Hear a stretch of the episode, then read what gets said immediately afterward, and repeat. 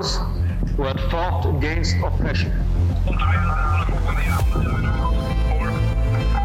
By all who have sacrificed themselves. When called upon to take part in the effort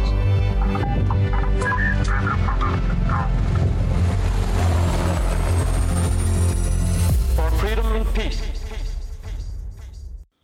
Det här är podden Tack för din insats med mig, Filip Gnesic. Gud och soldater vördar vi, n- eh, när i tider av fara det stås bi. När faran är borta och fyllda blir faten, då glömmer vi Gud och föraktar soldaten. Detta är en eh, liten kort dikt kanske man ska kalla det, som jag har eh, hört eh, många gånger innan. Och eh, syftet med den här podden var ju just det att man inte ska eh, glömma soldaten och soldatens berättelse. Eh, tanken är att jag ska kunna få spela in så många som möjligt och få ut deras historier till eftervärlden och till nutiden. Och eh, en av gästerna och första för den här säsongen blir Mikael Rytterstig. Välkommen till podden Mikael. Tack så mycket Filip. Vi har ju varit i kontakt lite, du har ju varit iväg på din bröllopsresa. Eh, Ja, så vi har haft precis. lite, lite problem att tajma ihop oss, men nu äntligen är vi här. Ja, både bröllopsresa och corona på det. Ja, precis. Du eh, kom i kontakt med mig via poddens eh, mail, vill jag minnas. Ja, jo, men det stämmer bra det. Eh, och hade lite intressanta historier och så här. Och nu hade vi tur att vi bor ju ganska nära varandra också, så det var ju fantastiskt bra. Ja, och du får komma in till människobyn. Ja, precis, ut, utifrån lilla byn där. Jag tänkte bara, egentligen så ska jag börja lite med dig och vart du kommer ifrån. Jag vet att du är från eh, bästkusten här liksom. Eh, har du lust att gå igenom lite var, vart ifrån bästkusten du kommer och sådär? Ja, eh, som sagt uppväxt, eller född i Göteborg ska vi säga.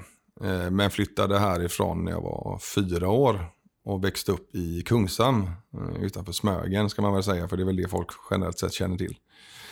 Så i Smögen är jag uppväxt och det var där jag gjorde både grundskola och eh, högstadie. Eh, Min mamma är därifrån och min pappa är från Göteborg så det var därför vi hamnade ute i Kungshamn Smögen. Hur var det att växa upp där ute? För det är lite på, land, eller, ja, man säger, på landet fast med, i vattnet. Det är väl väldigt mycket på landet på, på vinterdelen av året ska vi säga. Och hösten. Eh, sommaren då är det ju metropol. Då kommer ju alla turisterna. Eh, så det var ju lite öde på vintern. Eh, och mycket fart och fläkt på sommaren. vad, gör man på sådana ställen på, på vintern? Liksom? Jag, jag har ju själv bara varit där på sommaren då såklart. Eh, om att det varit något hantverksärende eller någonting. Men eh, vad gör man på vintern? Jag höll ju på med idrott eh, under hela min uppväxt. I princip från att jag var sex år fram tills jag var 18. Spelade jag ju fotboll, friidrott, eh, judo. Eh, Slängde till mig en liten sväng med dansskola också. Ja, vad var det för dans då? Det var folkdans eh, och bugg. Ja, bugg, det, det har jag koll på i alla fall.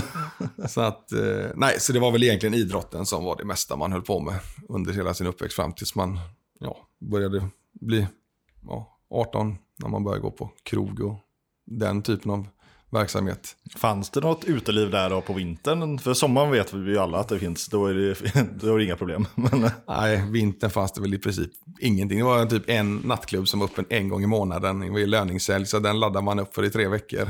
Och så var man ute en kväll och sen var det tillbaka till träningen i princip. ja, kung i baren då. Ja, men lite så. eh, Den 25 smäller det, eller vad sjunger han?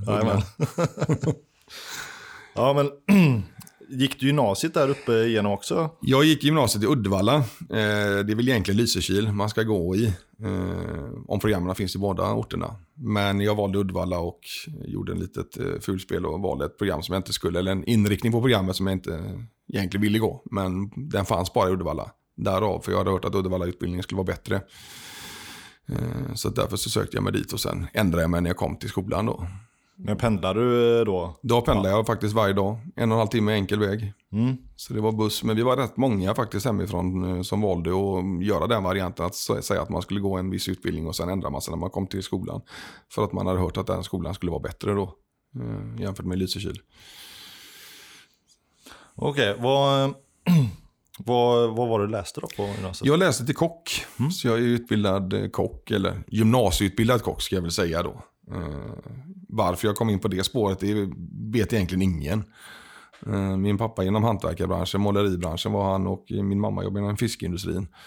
Så att varför, vi egentligen, varför jag blev kock, det vet jag inte. Jag, hade, jag tyckte det var kul när jag var liten. Jag tyckte om hemkunskapen i skolan och baka hemma och hjälpa till med middagar och sånt. Men, men varför just kock? Det, var, det fanns liksom inget naturligt i familjen eh, med att bli det. Men det var det jag ville bli i alla fall. Trodde jag då. Sen har jag inte jobbat med det sen dess. Men jag saknar, eller jag har inte saknat yrket men jag tycker det är kul med kunskapen i alla fall. Och hade ju som sagt även förmånen att få jobba på Guide Michelin-krog eh, direkt efter, eller i samband med gymnasiet då när jag fick möjligheten att jobba på Sjömagasinet ihop med våran kära Leif Mannerström. Så att det, det är en erfarenhet och det är ingenting jag ångrar eftersom jag inte jobbar med det idag. Så, men jag ångrar inte att jag gick programmet faktiskt för jag tycker det är kul än idag att laga mat. Har du några syskon? Inga syskon. Nej. Jag är ensam barn. Ensam är stark. Ensam är stark, ja precis. Nej, jag är uppväxt eh, utan syskon men eh, kusiner, jämngamla kusiner, och både yngre och äldre. Så att jag har väl haft så kallade låtsassyskon om man nu ska kalla det så. Ja, de har också varit, eh, bott i närheten då? De har bott i närheten, jag har släktingar och liknande. Mammas två syskon bor ju där uppe också. Och två bodde här i Göteborg då. Men de som bodde kvar där uppe hade barn i både några år yngre och några år äldre, men som är växt ihop väldigt mycket då och umgicks med. Så att jag har haft så kallade låtsassystrar och låtsasbröder. Ja, så djupt rotad på västkusten, så kan man ja, säga. Ja, det, det är jag verkligen. Och jag bodde där ju som sagt fram tills jag var 24. Jag skulle fylla 25 när jag valde att flytta till Göteborg. Jag hade väl tänkt att flytta tidigare, men av olika anledningar valde jag att stanna kvar. Men det kommer väl till senare kan jag tänka mig. Mm. Jag tänkte, för du, jag vet ju, ja, du, du skickade lite information till mig så jag, jag har lite koll. Men, eh, för du gjorde ju lumpen 0001. Hur var det då? Eh, för då, nu snackar vi ju nedrustning efter ja, 90-talets eh, början där så att säga. var ju nedrustningen på ganska hög fart. Mm. Hur, var, hur såg liksom värnplikten ut? Hur såg pliktdelen ut i det? Liksom? Det var väl, jag tror de flesta, de flesta vet jag väl inte, men de flesta blev nog kallade till mönstring i alla fall. Eh, och jag, varför jag egentligen ville, min pappa gjorde ju lumpen här i Göteborg på, heter det LV7 va? Kviberg. Ja, just det. Eh, så att jag, hade, jag hade det intresset att jag ville göra lumpen. Eh, det ville jag. Så att när jag väl fick mönstringen eh, så blev jag jätteglad och ville ju absolut prestera. Jag hade väl inte något kanske jättemilitärt intresse så. Men jag har ändå tyckt att det är intressant med värnplikt. Och att det är en, en viss uppfostran som man gör i samband med detta. Eh, och var väl inte så inläst på vad för typ av förband eller vad för typ av tjänster det finns. Visst, mm, kock visste jag ju och jägarförbanden hade man väl hört talas om då. För det var väl lite de man såg upp till. Och det var väl lite det här man hade möjlighet då, eller man hade intresse för att kanske söka då. Att jag kände att vill jag göra lumpen så vill man att det ska vara lite på riktigt, att det ska kännas lite. Jag har alltid gillat att utmana mig själv, alltså eftersom jag håller på med idrott och den biten. Så när plikt, eller mönstringsförrättaren, eller vad kallar man dem, eh, ville fråga mig om jag ville göra jägartesterna så var det självklart jätteintressant. Eh, fick möjligheten att göra dem, valde dock under testernas gång då på mönstringen att avbryta på grund av eh, skador som framkom och det är väl lite det som de testerna handlar om, att hitta de här skadorna. Så att då valde jag att hoppa av de biten då. Och när jag väl satt hos mönstringsförrättaren så frågade de ju vad, vad vill du göra? Och då hade jag ju kock delen i grunden då. Och det har man hört talas om eh, att eh, flottan ska ha en väldigt fin mm. kockdel. Eh, nackdelen är ju som sagt, jag är 1,91. Vikten då kommer jag väl inte ihåg, men det var väl säkert runt 100. Så att jag, jag står ju stadigt på jorden när det blåser. Och då sa de det att du är lite för stor för flottans eh, kabysser eller kök eller vad kallar man det för. Men om du kan specifika båtar så går det att söka direkt mot båt typ liknande. Men då kunde jag inte komma på några båtar för det hade jag inte koll på. Jag hade isbrytaren Oden, hade man talas om, men jag kunde ju inte komma på vad, vad den hette. Så då sa jag enkelt till mönstringsförrättaren att eh, baseras på mina tester så vill jag att du sätter mig på en tjänst där jag får bekänna färg. Och då tyckte de att ja, men robotskytt i Boden, det kan vara något för dig. Du är ju ändå stor och mm, var relativt stark också på testerna. Så det var ju egentligen det som jag ryckte in, skulle rycka in som. Det var robotskytt i Boden på I19. Eh, väl på plats där så eh, visade det sig att nej, men vi la ner det. Eller Försvarsmakten la ner det vapensystemet. Om det hette Tau, men sen om det är 56 eller 55, det kommer jag inte ihåg. Det, det var ju Bill och Tau-systemet var väl de som Ja, precis. Det är där 56.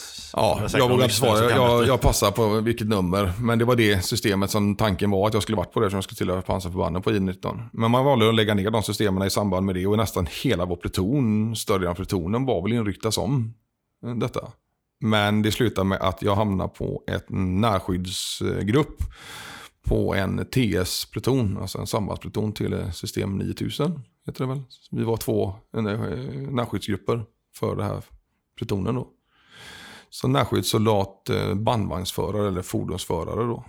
Men det var ju bandvagn vi körde med eftersom det var uppe i Boden. Så att det var det jag gjorde lumpen som. Men, och du hade ändå den inställningen alltså, när, du, när du skulle mönstra och, så här, att du, du, eh, att du såg det som en möjlighet eller som en, eh, ja, en möjlighet för dig att liksom få en god Eh, grund att stå på sen in i vuxenlivet. Absolut, ja men så är det. Alltså, ja, det är väl alltid som man har tyckt att det är lite, ja, klyschigt att säga det, men lite manligt att göra lumpen och få bli lite smutsig och lite skiten under naglarna. Men det var ändå liksom en grund att börja livet med. Och man, jag, jag har alltid tyckt att jag har alltid varit en förespråkare för försvarsmakt och, och, och den biten. Så att eh, det är en, en form av uppfostran. Eh, och det är ju lite där jag tycker att man, man märker skillnaden på dagens ungdomar och, och dåtidens ungdomar. Att man, man, det är som min, min mammas bekante brukade säga att jag, jag ryckte in som pojk och, och muckade som man. Att man där liksom fick en viss grunduppfostran och ett visst tänk eh, i, i allt vad det kan innebära. Att passa tider och ha rätt kläder på rätt plats och hela den här biten. Eh, och sen att jag vill, ja, men man vill få bekänna lite färg också, få få lite, lite motgångar och även om det kanske inte var jämfört med våra jägarförband som får bekänna väldigt mycket färg så kände jag väl det när han sa Boden. Tänkte jag, oh shit, jag har ju knappt upplevt snö här på västkusten och skidor var ju inte att tala på. Men jag tänkte, ja men då kanske jag får, får bekänna lite färg på den kalla fronten i alla fall.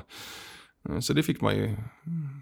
Och eh, nej, nej, men som sagt, värnplikten för mig har alltid varit något som jag är intresserad av att ha gjort och lägga, som du sa, lägga en grund till, till att bli vuxen egentligen. Ja, men visst är det ändå ganska intressant det här lite med att man vill, man vill utmana sig och att man... För mig handlar det lite om det här med att, eh, att känna sig stolt över någonting också. Att man över, övervinner en viss... eh, Ja, att man övervinner någonting som man kanske tvekar på att man ska klara egentligen.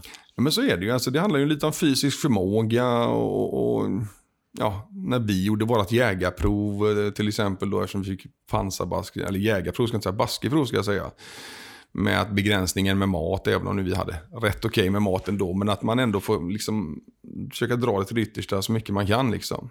Och, och sen är det ju lite annorlunda, att jag menar bo hemma, där man har en mor och far som sköter det mesta för en, men nu måste man tänka själv. Och man växer ju mycket som det. Alltså, jag har ju alltid varit eh, liksom den personen som, jag är uppväxt själv så att jag har ju fått reda med mycket. Jag har inte behövt fightas mot andra syskon eller liknande, men nu så blir det inte fight mot gruppmedlemmar, men det blir ändå att man liksom, man får känna på det. Och, och hela det här livet i, i att någon säger till en på riktigt. Jag menar att ens föräldrar kanske säger till en att nu gör man fel eller vad det är. Då kanske man inte har den respekten alla gånger mot, föräldrar. Medan när man snarare kom hem, även när man var myndig, så hade man nästan mer respekt. Just för att saker och ting ska fungera så måste man faktiskt eh, lyssna på, på de som kan något att säga.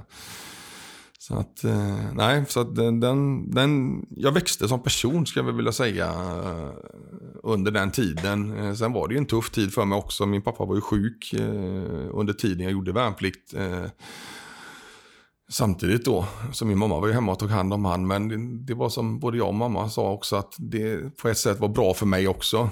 Att få komma ifrån familjen lite. Att liksom leva med en pappa som var jättesjuk då eh, under tiden hade nog tärt mer på mig. Eh, även om det tärde på mig att gå där uppe så som mamma sa att det, det är bra för dig att komma iväg också lite.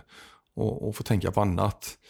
Eh, sen kom jag ju hem i princip varje helg. Även om vi låg i Boden så hade vi faktiskt eh, de gånger vi inte hade helgtjänstgöring då så kom vi ändå hem.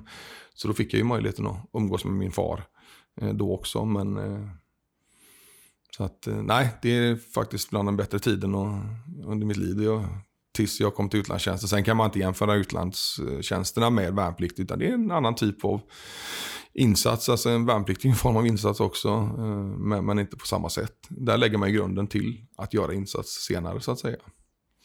Ja, för hur länge hade du, eller hur länge gjorde du värnplikten? Var Jag det... gjorde en sju och en halv månad vanlig menig tjänst. Mm, så att säga. Så sju och en halv månad. Augusti till april någon gång var det väl. Mitten på augusti till mitten på april. Så en helt bara vintervärnplikt? Bara en vinterdel ja. Eh, nu kommer jag inte ihåg hur det var, men det var bland de varmaste vintrarna man hade haft i Boden också på länge. Eh, man brukar göra det klassiska isvaksbadet eh, innan, eh, innan jul då, så man ska kunna få det som ett julkort. Men det, vi fick faktiskt vänta med att göra det efter. Eh, Det var väl också en del i våran vad hette vad kallades det, Arctic Soldier-utbildning som vi hade då med vinterbad. Men den fick vi göra efter, ja, efter vi kom tillbaka efter juluppehållet då. Men det var också en upplevelse som man nog aldrig kommer få uppleva igen. Jag har faktiskt inte gjort ett isvaksbad efter det, men jag skulle gärna vilja göra det, men jag har aldrig tagit tag i det. Så att, nej, det var bara vinter och mycket snö. Men när du eh, muckade sen då, hur, hur kände du då? Kände du att eh, liksom, ja, men det var kul och så här, men eh, nu vill jag ut i det civila? Eller kände du att Åh, det här vill jag fortsätta med? Eller hur, var, hur gick tankarna? Eh, redan under värnplikten så, så kom informationen ut om att eh, KS05 skulle sättas upp eh, i, eller som skulle ut i missionsområde december 2001. Och då var det ju I19 som skulle gå ut som, vet inte om det var I, jo det var I19 som skulle vara huvudförbandet. Det brukar ju alltid vara två förband eh, på KS-missionerna. Eh, skulle ut som eh, som huvudförband då. Och då fick man ju möjligheten, även om vi inte hade fått de slutgiltiga betygen, så vi visste ju inte om vi var behöriga för att söka utlandstjänst, för då var det ju ett annat upplägg på betygssystemen jämfört med hur det är idag, vad jag har förstått det som. För idag är det väl lämpligt utlandstjänst eller inte, och så får man ja eller nej. På min tid var det ju sifferskalor. Nu kommer jag inte exakt ihåg vad varje siffra var, men jag muckade då med 1077 och det var ju det som var kravet för att få göra utlandstjänst. Men då valde jag ju att söka redan då, för jag kände att jag har haft ett intresse av utlandstjänst. Jag hade bland annat en, en granne eh, där jag är uppväxt, som är polis eh, hemma på byn då, som hade gjort ett antal polisiära missioner då. Eh, inga militära missioner, men han hade gjort eh, polisiära missioner. Och man hade pratat, pratat med han under sin uppväxt. Och, Så man fick ju upp det intresset via han, men sen även när man då låg i det värnpliktiga, att, eh, värnplikten, att det hade varit kul att få göra en, en insats. För jag är ju, även än idag, om man säger det här med, man kan skänka pengar till olika typer av organisationer och liknande. Och man vet ju inte i slutändan, skänker jag 100 kronor till en bössa, jag vet ju inte i slutändan hur många pengar, hur mycket pengar som verkligen kommer till området där pengarna behövs. Så min tanke med lite med utlandstjänst det var ju att rent fysiskt få vara med och hjälpa till. Uh, istället för att hålla på och skänka de här pengarna då när man inte vet vad man har ju hört sådana skrämmande historier om olika generaldirektörer inom organisationer som har jättehöga löner och liknande.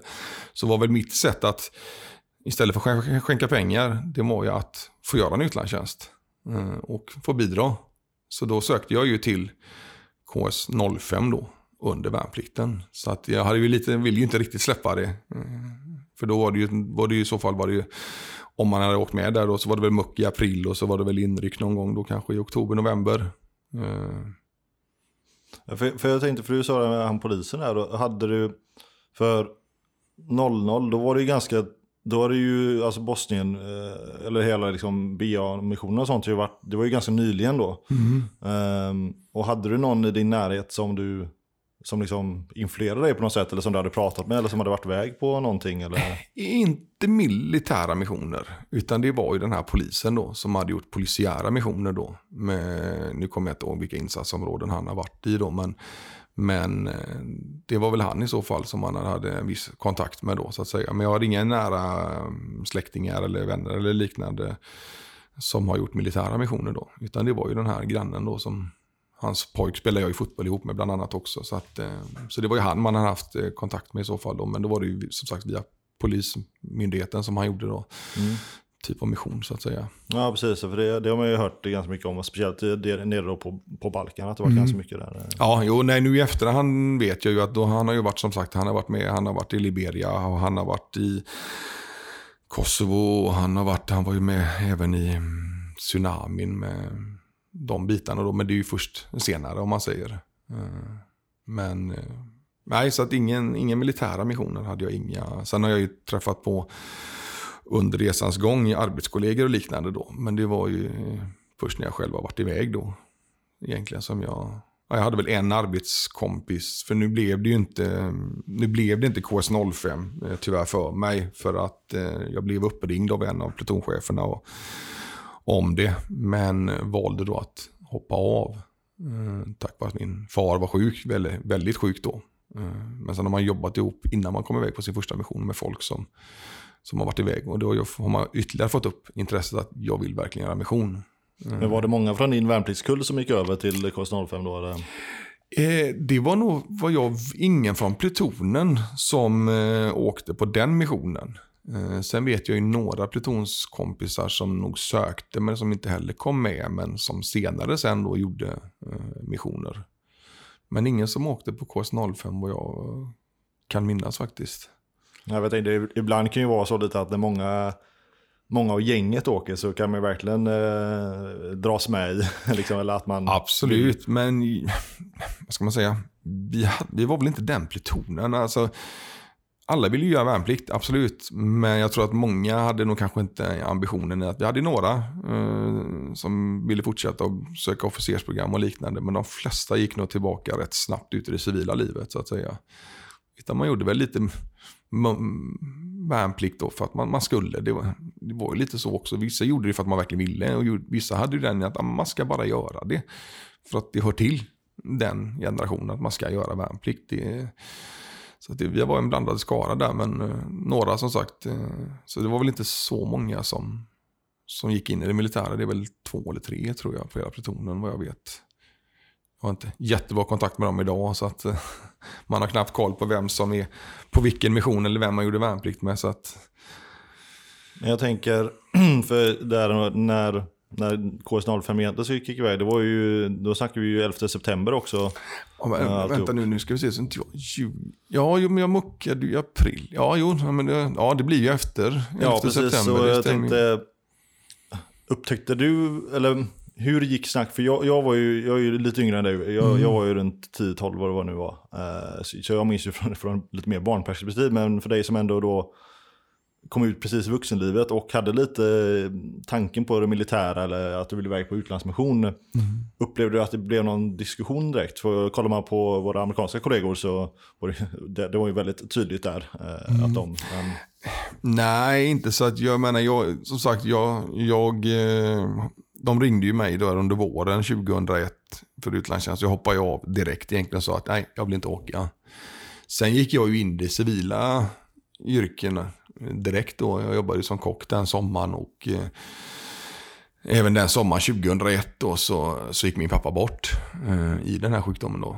Och, eh, så jag, hade nog, jag tänkte nog inte så mycket eh, även då sen eh, väl efter september blev aktuellt. Då var jag fortfarande i en, en sörjeperiod om jag nu ska säga det så. För det var ju ändå bara, han gick ju bort i juli 2001. Så att man var ju fortfarande kanske lite i chock i livet. Eh, vilket innebär att nej, jag hade väl ingen riktigt eh, tankar med, kring de grejerna rent militärt och, och, hur det skulle vara. Utan då handlade det väl mer om att komma ut i arbetslivet och bearbeta, alltså, det låter, man ska inte bearbeta, alltså, sörja ska man ju få göra liksom. Men, men när, när, min farsa blev sjuk långt innan så att man hade ju börjat en sörjeperiod långt innan. Men det är klart att det blir en chock när det väl händer. Det ska man inte sticka under stolen med. Eh, men så att jag, jag, jag tänkte nog inte så mycket i de banorna. Jag minns bara den dagen 11 september hände. Så minns jag egentligen bara jag kom hem och så undrade vad, vad är det morsan sitter och glor på på tvn liksom när man kom hem från jobbet. Så att, eh, nej, så de bitarna tänkte jag nog inte så mycket på då i alla fall. Utan det handlar mest om att ta hand om sig själv, ta hand om familjen, eller ja, mamma då i första hand då. Så att, eh. Men kände du då lite mer att det var den civila delen som var att kunna ta hand om familjen? Att liksom det, var, det var den vägen du skulle få gå lite eller? Jag kände att jag hade inte mycket till val. Jag är ju som sagt ensam barn. Eh, det är ju bara jag och min mor och min far som har växt ihop. ihop. Så, att, och, så jag kände väl egentligen att jag, jag släppte väl egentligen allt när det gäller utlandstjänst. De banorna släppte jag ju helt och hållet. Utan det handlar om att hjälp, börja jobba, komma in i yrkeslivet, hjälpa min mamma ekonomiskt. För man, vi bodde i hus och ensamstående. Det är klart att då vill jag hjälpa till på den biten. Alltså att hela militära utlandstjänsten fanns ju där. Jag vill göra den, men jag vill göra den när jag känner att jag är redo och min mor är redo. För det handlar ju om att man, man ska ju tänka på de nära och kära när man åker iväg också. Alltså, mm, visst, man är ju egoist när man åker iväg. Jag gör någonting som jag tycker är kul, men man lämnar ju också faktiskt eh, flickvänner, barn, vad det kan vara hemma efter sig. Och det var därför jag kände att då släppte jag liksom, jag helt lämna bort det här med militärdelen då. Och egentligen bara handla om att bearbeta hemma liksom i första hand. Ja, men så, så då, egentligen, då, då, tog du lite ett beslut själv att du, du var tvungen att liksom lösa, lösa uppgift hemma liksom, ja, först? Ja men, ja, men precis. Alltså, liksom bli stark nog. För att det, det är ju så att jag menar, åker du iväg så... Sen är ju olika missioner har ju olika typer av insatser. Men man ska ju vara stark nog att åka iväg. Alltså man, man ska liksom klara av det rent eh, mentalt. Eh, att man ska vara stark nog i, i huvudet. Och vare sig det är mentalt med ett förhållande som man kan lita på att det att det håller. Man har ju varit med om missionskompisar som har åkt iväg med kanske väldigt nya förhållanden och det har tagit slut under missionens gång och det har ju tagit styck på dem. Vissa har det tagit mer styck på, vissa har det kanske mer obrytt men därför så var jag, ställde jag in mig att nej, jag ska bli stark nog eh, själv och min mor ska bli stark nog till att kunna släppa iväg mig. Hon har inget val. men, men att hon, jag ska känna att hon kan klara av att vara borta. För då är jag ju själv. Då, hon, eller, då är hon själv. Så hon har ju bara sin katt. Eller ja, katt hade vi då ja. Så det var ju bara de två. Så att därför så valde jag ju liksom att lägga allt åt sidan. Eh, under några år då. Innan jag valde att söka igen. Ja, för, för sen kom du iväg där på 08 var det? Ja, KS08 kom jag iväg i... Ja, vi ryckte ju in. Inryck minns jag inte exakt. Men jag minns att det var väl där under hösten 2002 eh, jag fick beskedet då. Mm. Sökte du den aktivt? Eller? Den eh, sökte jag ju aktivt. Eh, det var ju lite annat. Idag vet jag inte exakt hur missionerna fungerar, men då sökte man ju tjänsterna. Då lades det ut som vilken arbetsplats som helst egentligen, att man sökte folk. Eh, så då sökte jag. Kommer inte ihåg exakt vilka tjänster jag sökte. Men det var väl åt skytteinriktningen, skyttepluton eller liknande. Som jag sökte. Och blev uppringd sen av min plutonchef. Eh, och hade kommit med på en reservplats. Eh, och fick väl beskedet, det var väl någon gång innan jul där, någon gång under oktober, november kan jag tänka mig. Om att jag hade då kommit in på, eller skulle åka med på KS08 som skyttesoldat, eh, med, skyttesoldatförare. Och att vi skulle tillhöra då en sökpluton som det hette då. Så att man ska vara sök, skyttesoldat, eller söksoldat med skyttekompetens ska vi väl säga. För vi var väl i, vi var ju grundutbildade som skyttesoldater. Men att vi hade, för vi tillhörde ett så kallat funktionskompani, Sierra Lima. Eh, där det var spaning, eh, en säkpluton och en sökpluton, EOD. Eh, för då var vi ju tre skyttekompanier på den missionen, bara vi skulle då vara ett funktionskompani. Så att vi, vi hade ju egentligen, vi opererade över hela missionsområdet och även eh, understödde andra eh, nationer. nationer med, och sökkompetensen var så att säga. Hur bra koll hade du på missionsområdet och missionen innan du åkte ner? Liksom? Jag hade väl inte jättebra koll. Eh, det är klart att då när man började söka så det är klart att då börjar man ju läsa lite. Eh, nu fanns ju inte Google på samma sätt. Eh, så man kunde väl googla men det tog ju några dagar att få upp. Så att jag hade väl lite egentligen, alltså jag hade nog inte, alltså, som vi pratade om lite innan vi började intervjun här, att jag är alltså inte kanske den typiska militära personen. Jag är en ordningsam person som vill ha koll på grejer och min utrustning och så. Men jag är väl kanske inte den här jättemilitärt intresserade personen. Eh, så jag, ja, jag hade väl inte egentligen någon jättebra koll. Mer än att man hade hört talas om Bosnien och man hade hört talas om de olika Somalia och, och, och, även Kosovo då. Men jag var väl inte jätteinsatt egentligen i området som sådan. För som jag sa innan, jag har inte haft någon direkt kontakt med några som har gjort. Jag hade en kollega på jobbet som jag jobbade med då. Han hade gjort, nu var det väl Somalia han gjorde som kock då. Men annars hade jag inte riktigt haft någon direkt kontakt med den här typiska missionspersonen då som kanske hade gjort patrulleringarna i AOR och liknande och sånt där då. Så att jag, jag hade ingen direkt bild av hur det skulle vara. Så det var lite, lite blankt papper då kan man ja, säga? Ja, men lite så faktiskt. Och det, det var nog lite kanske ett aktivt val också i vissa lägen då för att man liksom inte skulle skapa sig. Alltså, det, det, jag visste att jag ville ha mission. Eh, att det var intressant och jag, jag trivdes ju i det militära just med, med sammanhållning och, och, hela den här biten. Och jag gillar ju lite när folk, alltså Försvarsmakten är ju lite så att man behöver inte tänka själv. För man har folk som gör det åt en. Man säger till när man ska gå upp och när man ska äta frukost och när man ska äta lunch. Jag gillar lite den biten. Det alltså. låter som en sann skyttesoldat det här. Ja, men lite så. Det är skönt. Och liksom, sen gillar jag ju, alltså jag är inte den som, jag kan ju ta egna initiativ, det är inte det. Men, men alltså, det är ändå rätt skönt att ha lite det. Liksom. det är, man har folk som tänker åt en liksom.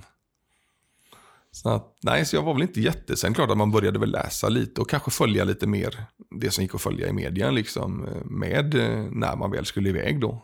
Och sen fick man ju vissa eh, missionsutbildningar, alltså under, när vi väl hade börjat missionsutbildningen med, med det politiska läget och, och hur landet såg till. Och, ja, hur, såg, hur såg missionsutbildningen ut för er del? Vad gjorde ni och hur länge höll ni på? vi höll på, nu ska jag, jag två månader har jag för mig, eller två och en halv månad. För vi ryckte ju in en, en och en halv månad innan skyttesoldaterna då. För då genomförde vi vår sökutbildning först. Eh, så att säga. Och den har jag för mig var på en månad. Eh, med allt vad det innebär då att lära sig att söka med, nu kommer jag inte ihåg alla de här fina orden, men det var ju handsökare och det var ju minsökare och vi jobbade mycket med teknisk utrustning, wallscans och fiberkameror och grejer. Och, och där var lite olika typer av sökmetoder då. Eh, nu minns jag inte heller som sagt alla begreppen, men det var ju alltid från att söka ute i missionsområdena och då sökte ju inte vi som EOD sökte, utan vi, vi sökte ju för man hade väl lärt sig att just den serbiska delen, om man säger, hade ju fått så kallade family kittet, eller vad man kallar det för, där de fick uniform och de fick vapen, där de grävde ner i nära sina bostäder om man säger utifall att det skulle bli krig på nytt. Då. Och det hade man med den här tekniken, minns jag inte exakt vad man, hur man kom fram till den här då, men då sökte man så kallad referenssök. Eh, där man gick då efter vissa, men du vet, stora trädet längst bort på gärdsgården till exempel och, och, och, lite sådana här grejer då. Så då fick vi lära oss sådana bitar, men sen sökte vi även, var det fordonssök. De har sökt i så kallade vehicle checkpoints då, där man, hade, mm, där man sökte fordon. Och det kunde ju allt ifrån, beroende på vad sökuppdraget handlade om, eh, smuggling med narkotika, pengar, vapen. Eh, sen jobbade vi ju även med husrannsakningssidan, alltså lite som polisen gör idag. Eh, där man kunde göra husrannsakningar hemma hos folk. Mm, och det var ju också beroende på vart misstankarna fanns, om det var narkotika eller penningtvätt eller vapen. Sen hade vi även venue search för mig det och det var ju förebyggande sök. Som man gjorde då e- exempelvis inför mm, statsbesök eller liknande. Där man söker av hotell eller konferensanläggningar där det ska komma höjdare på besök. Då söker man av rummen och, och anläggningen innan eh, någon ska komma på besök så att säga. Och det är väl lite så som polisen jobbar idag också. När våra stadshuvuden kommer på besök och liknande. Så, det var väl det vi Så allt det fick ni göra på missionsutbildningen då? Liksom lära er om teknik. På den första månaden gjorde vi det på, på sökutbildningen om man säger. Eh, och sen när, eh, när övrigt skytte då, eh, Romeo och eh, sen vet jag inte hur de här eh, kommer inte ihåg vad kompanierna hette riktigt, men Romeo och eh, vi var på Serra och Romeo och Quebec var i skytte. Så de, när de ryckte in, då började vi ju själva skytteutbildningen när man säger och då eh, kunde man ju, nu höll man ju mycket eh, bara oss då, kompanierna var ju för sig då, men då, kunde, då kom ju mission, den typen, alltså skytteutbildningen och sen även då inriktningarna KSB-skytt och ja, vad man nu hade för eh, tilläggs fordonsutbildningarna och sånt här. Och det kom ju i samband med alla ryckte in då så att säga, när alla gjorde samma utbildning så att säga. Så hur lång var hela perioden då ungefär? Jag, tror, alltså jag minns ju inte, men jag, ja, två, två och en halv månad, tre månader någonting har jag för mig vi totalt sett låg inne. Om jag inte minns helt fel faktiskt. Jag för mig det var en månad sök och en månad skytte ungefär. Mm, det är som sagt 2003 nu så det är ju nästan det är 19 år sedan nu. Man, man var iväg så att säga.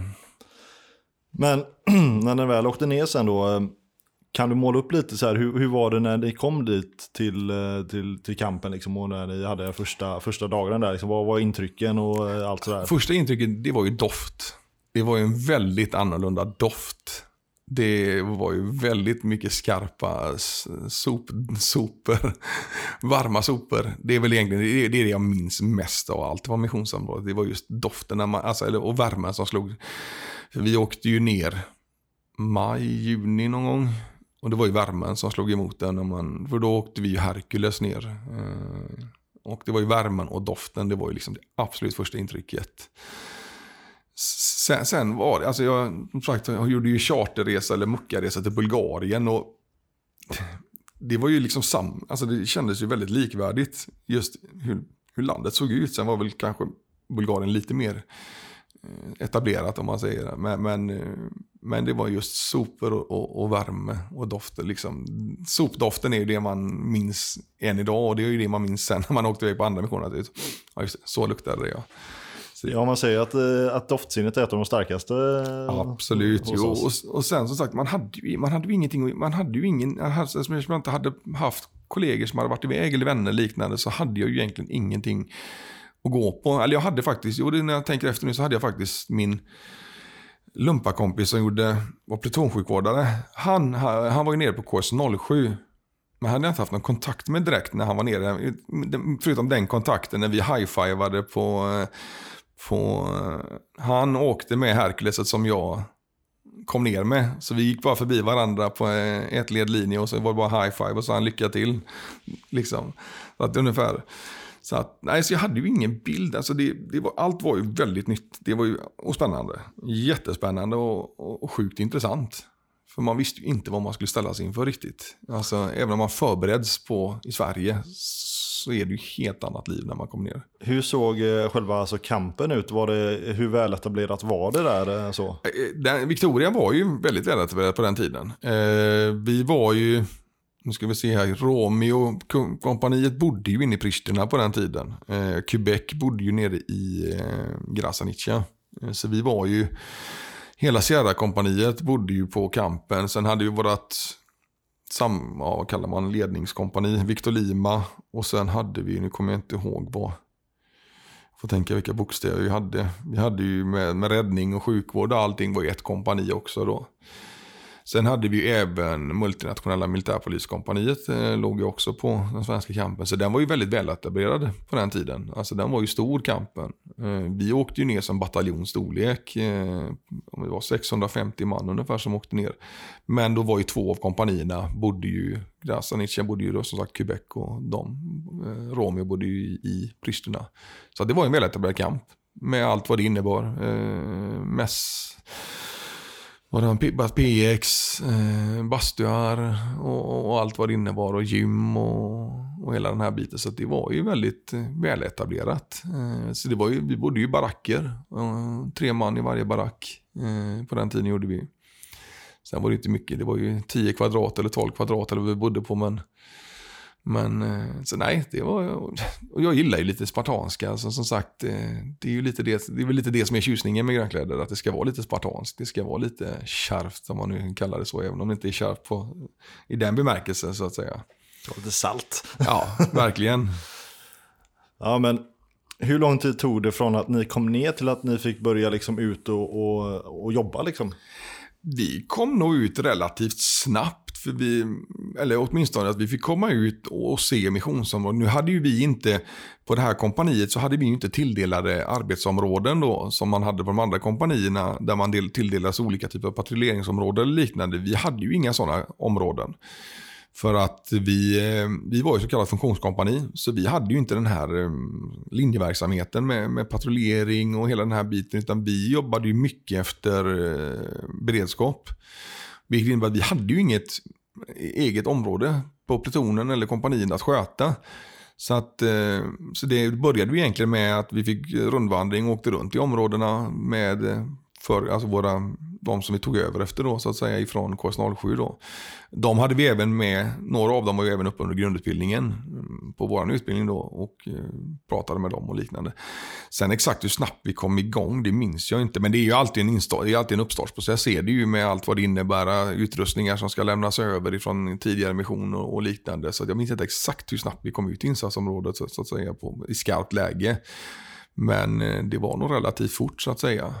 Eh, men som sagt, vi hade ju inte den, vi hade inte den typiska patrulleringsområden utan vi, vi, var, vi låg i beredskap för att eh, åka på larm rent krasst så att säga. Vi hade ju inte, det var inte, det är inte QRF, för det hade de andra skyttekompanierna hand om. Utan vi hade ju våran sökberedskap då så att säga. Var det, och sen hade ju ED hade ju sin del så att säga. För de jobbade ju också, och även spaning och, och SÄK då. SÄK jobbade ju egentligen med, ja, vi jobbar ju tillsammans kan man säga. Alltså allt beroende på om det var operation. Eh, var det större planerade operationer så började man ju alltid med spaning.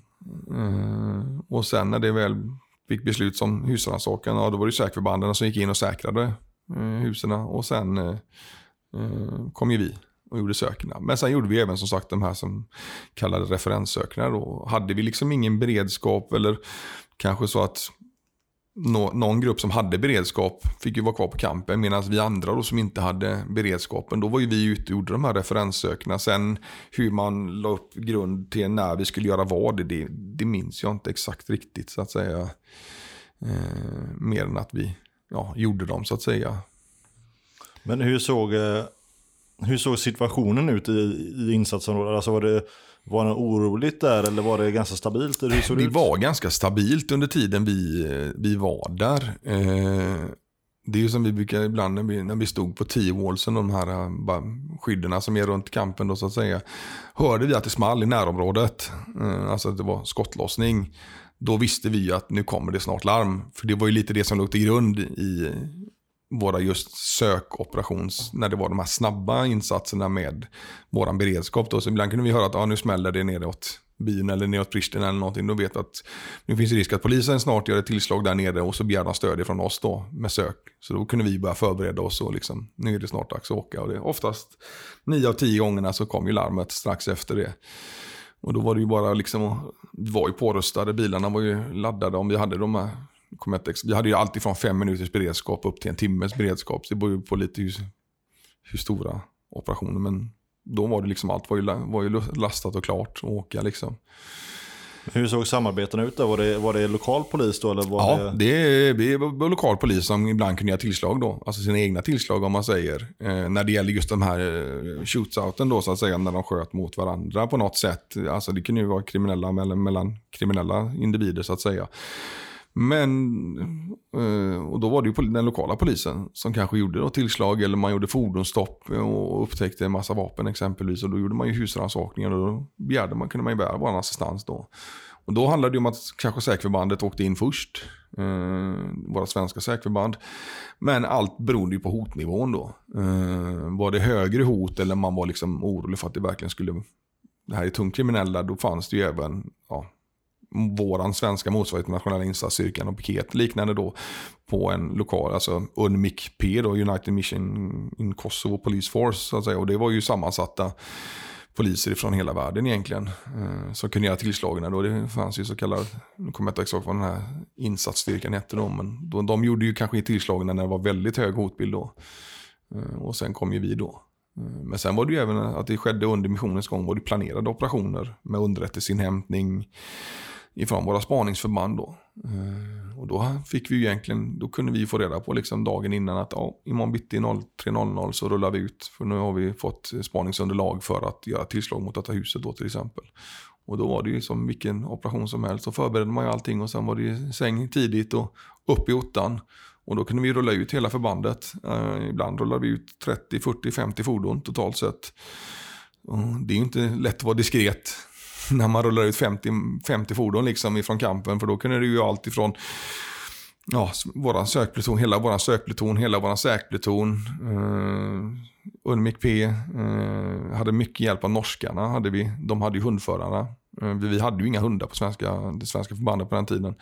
Så då var det norsk, eh, norskar som kom med hundförare och sen var det ju stab och, och allt vad det innebar. Och, så att vi kunde rulla ut 30, 40, 50 fordon i konvoj och göra det här tillslaget då. Då var det oftast att man kanske ställde sig i ett väntläge och sen fick säkerförbanden åka in, säkra upp, säkra upp objektet så att säga. Och sen rullade vi in då och påbörjade våran del av operationen så att säga med den här sökdelen då så att säga. Ja, för du, för du sa ju här eh, eh, norrmännen, var det några andra nationer? Alltså, eller hur många nationer var det som ni var i samarbete med? Vi jobbade med det var nog de, alltså det var ju, ja det var ju, norrmännen understödde ju oss då med hundbiten, men, men sen vi var ju som sagt inne i, vi var inne i de flesta nationerna som, alltså area of responsibility så att säga som man kallar det då för alltså svenskarna har ju hand om sin del. Men vi var ju även inne i finnarnas område, hjälpte dem, vi var nog även inne i amerikanska området och hjälpte dem. Eh, italienarna, ja det var nog de flesta nationerna. Jag kan inte riktigt minnas exakt eh, vilka som ansvarade för vilka områden. Men vi hade ju liksom, inte hela Kosovo ska jag väl inte säga, men, men väldigt stora delar. Eftersom att vi inte hade ett eget, utan vi var ju ett så kallat funktion. Vi satt in där vi behövde så att säga. Eh, och även spaningsförbanden likaså. De kunde ju också understödja andra nationers eh, med just den spaningsresursen vi hade då. Eh, för vi var ju väldigt starka eftersom nu var det K3 som satt upp oss. Så att är det något de kan så är det ju spaning och jägarförbanden. Liksom. Så de var ju väldigt duktiga på detta. Liksom. Det var ju väldigt slipade killar i just spaningsplutonen. För det var ju alltid från fallskärmsjägare, kustjägare eh, och liknande. Så att, eh, så, att det, så vi var ju som sagt opererade överallt. Vilket innebär att det var ju mycket väntan, mycket död ute på kampen. Eh, som kanske var segt. Eh. Ja, för det leder till min nästa fråga. Vad, gör man på, eller vad gjorde ni på fritiden där liksom? Uh, vi, ja, det var ju det. Man försökte, nu ska jag inte säga så att jag sprang ner i gymmet tyvärr. Jag försökte väl, jag har väl karaktär som, ja, jag vet inte vad, men det var ju träning och PX var ju, det gillar man. Shopping är ju kul alltså. Det fanns mycket roligt att köpa där alltså. så att, nej, så det var ju tyvärr mycket väntat. Det var mycket dödtid på kampen. Uh, nu hade jag ju kock i grunden, vilket innebar att jag hade väldigt mycket kontakt med kockgruppen, våran, alltså våran mäss, eller inte mäss, utan vår matsal. Eh, vilket innebar att jag gjorde faktiskt lite sådana job rotation, där jag faktiskt var inne och hjälpte dem. Eh, jag jobbade lite med frukost och lite med luncher och lite middagar. Och, och även sådana här lite finare middagar på kvällarna, lite à la carte, bara för att ha något att göra. Alltså fick hjälpa dem lite grann bara för att jag tyckte det var kul. Men bytte du bort din tjänst då? Nej, liksom, nej, nej. det kunde vi inte då eftersom att vi krävdes ju våran sökkompetens om man säger. Så då var det inte så att de kunde hänga på oss eh, och jobba på vårt sätt. Utan det var mer att jag erbjöd mig att gå in som en extra resurs. Eh, sen var det ju i perioder eh, i samband med rotta, alltså livrotationer och sånt när vissa, just Quebec och Romeo då kanske var lite underbemannade så var vi, då frågade vi liksom, kan vi inte få något område att hjälpa till på liksom? Och då kanske det var så att en grupp ifrån Quebec hade åkt hem. Och då blev det ett område som kanske inte blev bemannat och då kunde vi få ibland åka ner och köra lite patrull och den här vanliga linjeverksamheten också då så att säga bara för att, att hjälpa dem. Men sen hjälpte vi även dem med sökoperationer och liknande också när de hade eh, hittat grejer i, alltså i Vikos checkpoints och grejer. Så att vi var ju även inne i de områden och jobbade och då kunde de hjälpa oss som säkerförband till exempel. Och de hade väl vissa egna spanings, små spaningsgrupper som också gjorde små spaningsuppdrag. Så, att säga. så vi var ju inne och hjälpte även, jobbade även mycket med de andra kompanierna också. Så att säga. Eh, men sen som sagt, sen, sen var det ju de här eh, mycket referenssökerna. Det var ju den, när vi inte hade operationer eller larm då, så var det ju att vara ute i och då var det väl just runt de serbiska byarna Eh, mestadels. För det var ju där man hade liksom genom åren lärt sig att de gömde sig. Det var kanske inte så mycket på den eh, albanska delen, så att säga, de kosovoalbanska delarna. Där, var, där jobbade man inte på samma sätt med att hålla på och gömma vapen. Utan då var det ju mer att man gömde hemma och liknande på det sättet. Men då höll man inte på med referenssök i de områdena. Det var ju mest mot de serbiska delarna så att säga. Så det var ju egentligen det vi gjorde när inte vi hade våra sökoperationer eller söklarm då. Så var vi ute, men det var vi inte ute på hela tiden heller. Men det var ju samma sak. Där var ju också en viss underrättelseinhämtning att man hade sett eller märkt så att säga. Så att det blev ju tyvärr mycket dödtid också eh, på kampen. Så där skiljer sig ju, för sen åker jag ju ner på KS 12 då som också som sök, men då var det ett annat upplägg. Så då hade vi lite mer att göra på så att säga. Så att, eh, och sen just när det gäller venue search-biten, det här förebyggande, hade vi väl inte så många uppdrag faktiskt under missionen. Eh, jag, det, jag minns egentligen bara ett enda uppdrag, men det är ju också för att det var ju, våra, det var ju inte dåvarande amerikanska presidenten, men föregångaren Bill Clinton som skulle komma på besök. Eh, så det är väl därför jag egentligen bara minns det venue searchet. För vi var, vi var ju ute på operation i, i, i vårt område på ett, alltså på ett större referenssöksoperation. Vi bodde i tält och allting, men vi fick larm att nej, ni måste tillbaka till campen och omgruppera för att ni ska ut på ett venue search för att Bill Clinton ska komma till universitetet, tror jag det var, i Kosovo. Så det är, därför jag, det är därför jag bara minns det venue searchet för att vi hade möjligheten att få jobba mot han då även träffa han. Inte personligen men jobba väldigt nära han så att säga. Ihop med Secret Service då. Som var hans närskydd så att säga. Ja för För du, eh, det, det hände ju lite grejer alltså, eh, under missionen, eh, har du ju berättat, med någon EOD Ja, eh, just det. Vi hade ju en väldigt tragisk olycka på, på kampen faktiskt. Eh, vi hade, jag tror vi hade, jo men vi hade faktiskt kört vakten då. Om någon, vi körde inte så mycket vakt för vi hade ju egen vaktgrupp om inte jag minns helt fel. Men vi hade, eller hade vi varit ute på operation? Jag minns inte om vi hade varit på operation eller om vi hade kört vakt. Jo, vi hade kört vakten hade gjort, för det gjorde vi lite grann. Kampvakten, det var nog också för att vaktstyrkan kanske var på liv eller liknande som vi stötte upp mot dem.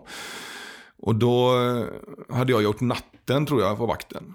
Och min gruppchef kommer inspringande så att vi ska infinna oss vid Signal Center för att det har skett en sprängolycka på kampen. Vi vet inte läget. Så man flög ju bara som skjuten ur en kanon liksom. I uniformen, det var ju liksom värre än brandmännen på 90 sekunder. Det var liksom noll sekunder så var man påklädd. Ja, påklädd. Alltså jag hade ju byxorna ner vid knävecken och skjortan på highsfire och kängorna i handen när jag sprang ner till, till vårt signalcenter då. För det var det vi var sagt att det ska uppsamling där. Eh, och bara egentligen frysa läget där nere innan vi visste vad som hade hänt då. Saken är att vi bodde ganska nära IOD-gruppens container och liknande. Jag har inte hört ett smack av den här smällen alltså. Eh, men tyvärr så förolyckades ju en av eh, IOD-killarna den, eh, den olyckan. Då, då hade några varit skadade eh, och en som tyvärr gick bort. Eh, tragiskt nog. Eh, så att eh, det var väl egentligen det var det man minns mest av missionen. Det är ju den här olyckan då. För när vi står där så det blev ju liksom fryst läge på hela kampen. Man, man, jag tror man ansåg väl att hela kampen sågs som ett minerat område. Tack vare att sprängolyckan skedde i anslutning till en ammunitionscontainer. Och eftersom att våra EUD-killar var ju skadade, några stycken var skadade, några kanske var hemma på liv, så ville man inte skicka ut dem till att börja söka. Och då fick man kalla in finskt EUD-team till att börja och klarera området. Eh, så vi fick egentligen inte röra oss mer än runt signalcenter. Så vi fick i princip stå på den fläcken vi hamnade på liksom. Tills vi fick klartecken att nu ses kampen som säker nog då. Men eh, vet man vad det var som hände eller? Eh, jag vet väl inte exakt. Det var någonting med att man, om det var utbildning eller någonting man höll, alltså man hade ju utbildningar internt med varandra, men någon form av granat eh, ska ha detonerats i samband med detta. Eh, exakt hur, det vet jag inte faktiskt. Eh, inte vad jag minns i alla fall. Men någon form av detonation ska ha skett precis utanför eh, container. Där man höll, på, man höll ju på att utbilda varandra lite grann med just när man hittar olika typer av ammunitionseffekter. Om jag förstod det hela rätt. Så hade man lite interna utbildningar för att lära sig hur olika ammunitioner fungerar vid röjning och liknande. Då. Så någon form av detonation ska ha skett i samband med den här utbildningen. då. Och där då ehm, den här killen förolyckades tyvärr. Så att jag minns inte exakt vad det är som ska ha hänt riktigt eh, faktiskt. Men hur, hur gjorde man för att eh, understödja de som hade skadats där? Alltså om, om, man nu ansåg att allting var minerat? Eller var det liksom det gjorde man först och sen Ja, så... det var väl i princip det som jag förstod att det var ju. Sen exakt vilka det var som gjorde det där understödet, det vet jag inte. Om det var vaktstyrkan eller om man bara liksom fick ut dem ifrån det området. Eller om man väntar. Ja, jag, ska, jag passar nog faktiskt där. Jag vet inte exakt hur det är. Om man bara fick dem därifrån och sen kalla in de finska. Eh, för hela, nu minns jag inte om det var två eller tre som skadades. Eh, det var väl mest hörselskador. Det var väl inga fy, alltså, eller fy, hörselskada är ju en fysisk skada men det var inga splitterskador kan jag kan minnas. Jag minns som att det var hörs, mycket hörselskador. Förutom då den här killen som förolyckades. Eh, så att jag minns ju som sagt nyvaken och, och, och så jag minns inte exakt hur man, hur man evakuerade dem därifrån så att säga. Men det, jag minns ju sen bara som sagt att finskt EOD kom till svenska kampen då. De, bodde, de hade ju sin kamp bortåt eh, Pristinas flygplats. Eh, så de fick ju komma och röja då innan vi kunde ta oss tillbaka till barackerna. Och sen var det ju, vad jag minns, mycket debriefing. Mycket debriefing efteråt så att säga. Eh, vi jobbade ju mycket med EOD för de var ju med oss på de här, ibland var de ju med på våra referenssök då. När vi hittade någonting och vi misstänkte att men här vill vi inte röja eh, om vi hittade vapen. Då fick ju de gå in och så göra sin grej för de var ju experter på det här med försåt och allt sånt där då. Så vi jobbade ju väldigt tätt ihop med EOD.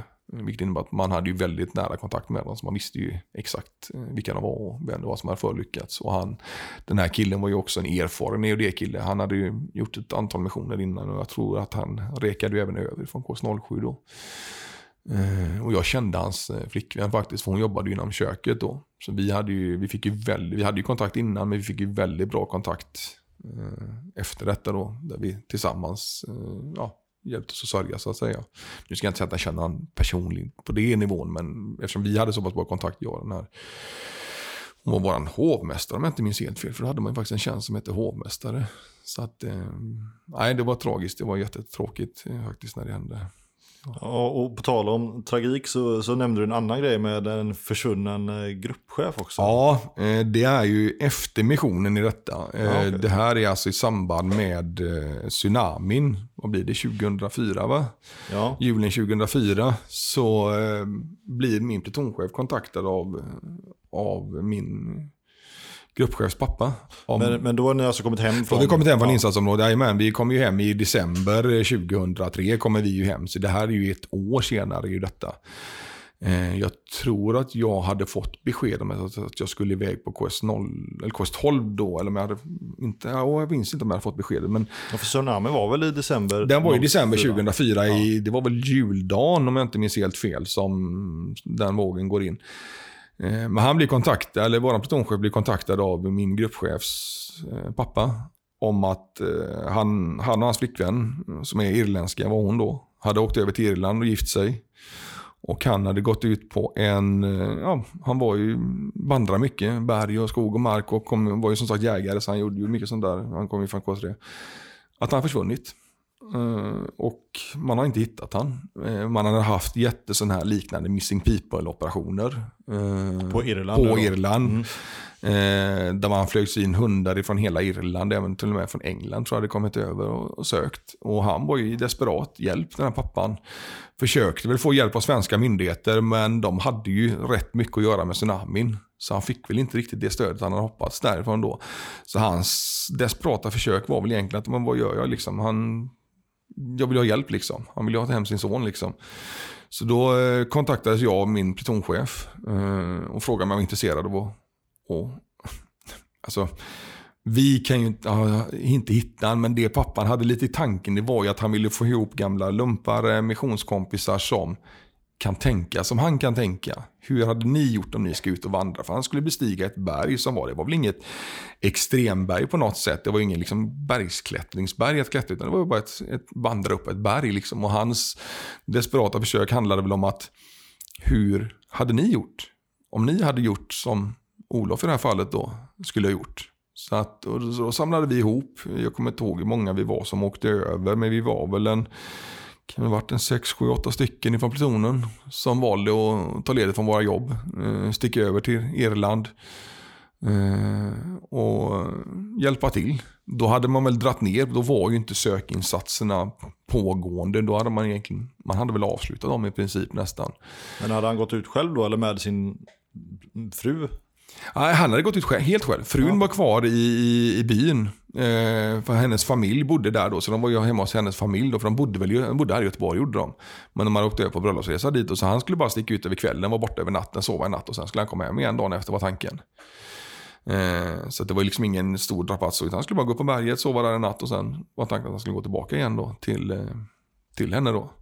Så vi åkte över 7-8 man tror jag och eh, som sagt eh, väldigt gästvänligt. Familjen var ju kände, det var en liten by så att vi, vi inkvarterades ju lite överallt. Två man bodde hos någon familj och tre man bodde hos någon. Och vi, alltså de var så hjälpsamma så det var helt otroligt alltså. Eh, för den här, hennes familj var väl en liten central familj i byn då. Och väldigt uppskattad familj då. Så vi, fick, vi fick ju bo hemma hos folk. Alltså vi bodde hos folk, vi hade ingen aning om vilket. Det var inte så att vi fick, ja ni får ett hotell liksom. Utan vi bodde hemma hos folk. Så vi betalade ju resorna ur egen ficka. Och, eh, och åkte dit. Alltså alla betalade resan själv. Eh, sen i efterhand fick vi pengar tillbaka då. För då fick han stöd ifrån, jag tror han fick stöd ifrån svenska regeringen. Eller på något sätt. Någon, organisation. Då, så att han betalade ju tillbaka resorna men det var inte så att vi begärde det. liksom. Men då liksom istället för att bo på hotell då, så fick vi bo hemma hos folk. Vi liksom bodde någon, bodde någon, någons flickrum och det var liksom... Och sen fick vi möta polischefen i, i byn då för att liksom se hur de hade sökt i området då. Och sen var det väl egentligen så att okej, okay, vi, vi skulle vara där i ja, tre, fyra dagar. Vi var så här, ah, okej, okay, vi har ju inte så många alternativ. Vi, var ju, vi kan ju inte bilda en stor kedja på sex, sju man liksom, utan vi fick ju tänka, hur skulle Olof tänka liksom? Och jag tror att två eller tre som var med hade ju gjort värnplikten med. Alltså de kände han ju väldigt bra då. Vi andra kände ju han bara via missionen då. Så det var väl egentligen bara så här, okej, okay, hur hade vi gjort? Och så var det egentligen bara att gå ut och försöka leta. Alltså det var ju som att leta efter nålen höstack. Men pappan var ju desperat liksom. Så att vi var ute i tre, fyra dagar och bara liksom gick runt där bland bergen och skogar och snår och vattendrag och bergskrevor. Och... Men det var tyvärr nitlott. Vi hittade ingenting eh, under den lilla operationen om man nu ska kalla det så. Men sen som sagt ett år senare då tyvärr så, så hittades han förolyckad i någon, någon bergsskrev, bergsskreva någonstans. Som han, hade han tydligen ramlat ner som det verkar. Varför man inte hittade han tidigare det, det låter jag vara osagt. Men eh, det var någon som såg någon väska eller någonting. Och så lyckades man väl ta sig ner i den här bergskrevan som jag förstod det. Och där låg han tyvärr bort, avliden då sen. Och det var ju ett, ett år efteråt. Så det var väl nästan när jag kom hem, i, ja, det var nog mer än så, ett och ett halvt år nästan tror jag. Ja, jag men det var efter jag kom hem från min andra mission i alla fall. Så det var ju någon gång 2006. Han försvann ju som sagt i december 2004. Och hittades någon gång under 2006. Så det var nästan två år emellan tror jag. Tyvärr, tragiskt. Vad, vad var det du gjorde mellan eh, missionerna då? Alltså utöver att åka nu då till Irland på den Ja, eh, jag började, jag, som sagt, jag kom hem där i december 2003. Eh, och hade väl fått upp intresse för säkerhetsbranschen. Eh, hade ju jobbat som sagt lite i krogmiljö eh, som kock då, även lite som entrévärd. Eh, så att eh, jag fick ju upp det intresset 2003 då. Men eh, ska vi se, jag, jag gick ju tillbaka till min till min gamla arbetsgivare faktiskt. Jag hade ju fått ett intresse för säkerhetsbranschen. Men, men jag gick tillbaka till min gamla arbetsgivare som var inom fiskindustrin, eh, rökeri eh, på Smögen. Och fortsatte väl att harva på där så att säga. Men då kom ju tristessen tillbaka. Det här är ju som sagt, nu pratar vi 2004. Eh, och eh, ja, insåg att fabrik är ju inte min grej riktigt. Och jag kände bara, jag jag fick upp intresse för det här med mission. Det var ju väldigt intressant och det var ju, det var ju ett liv som jag trivdes väldigt bra med. Eh, vilket innebär att jag sökte ju igen. Eh, jag, sökte, jag vet inte om Liberia hade satts upp då eller... Men jag sökte och, och kom som sagt med på KS12 då.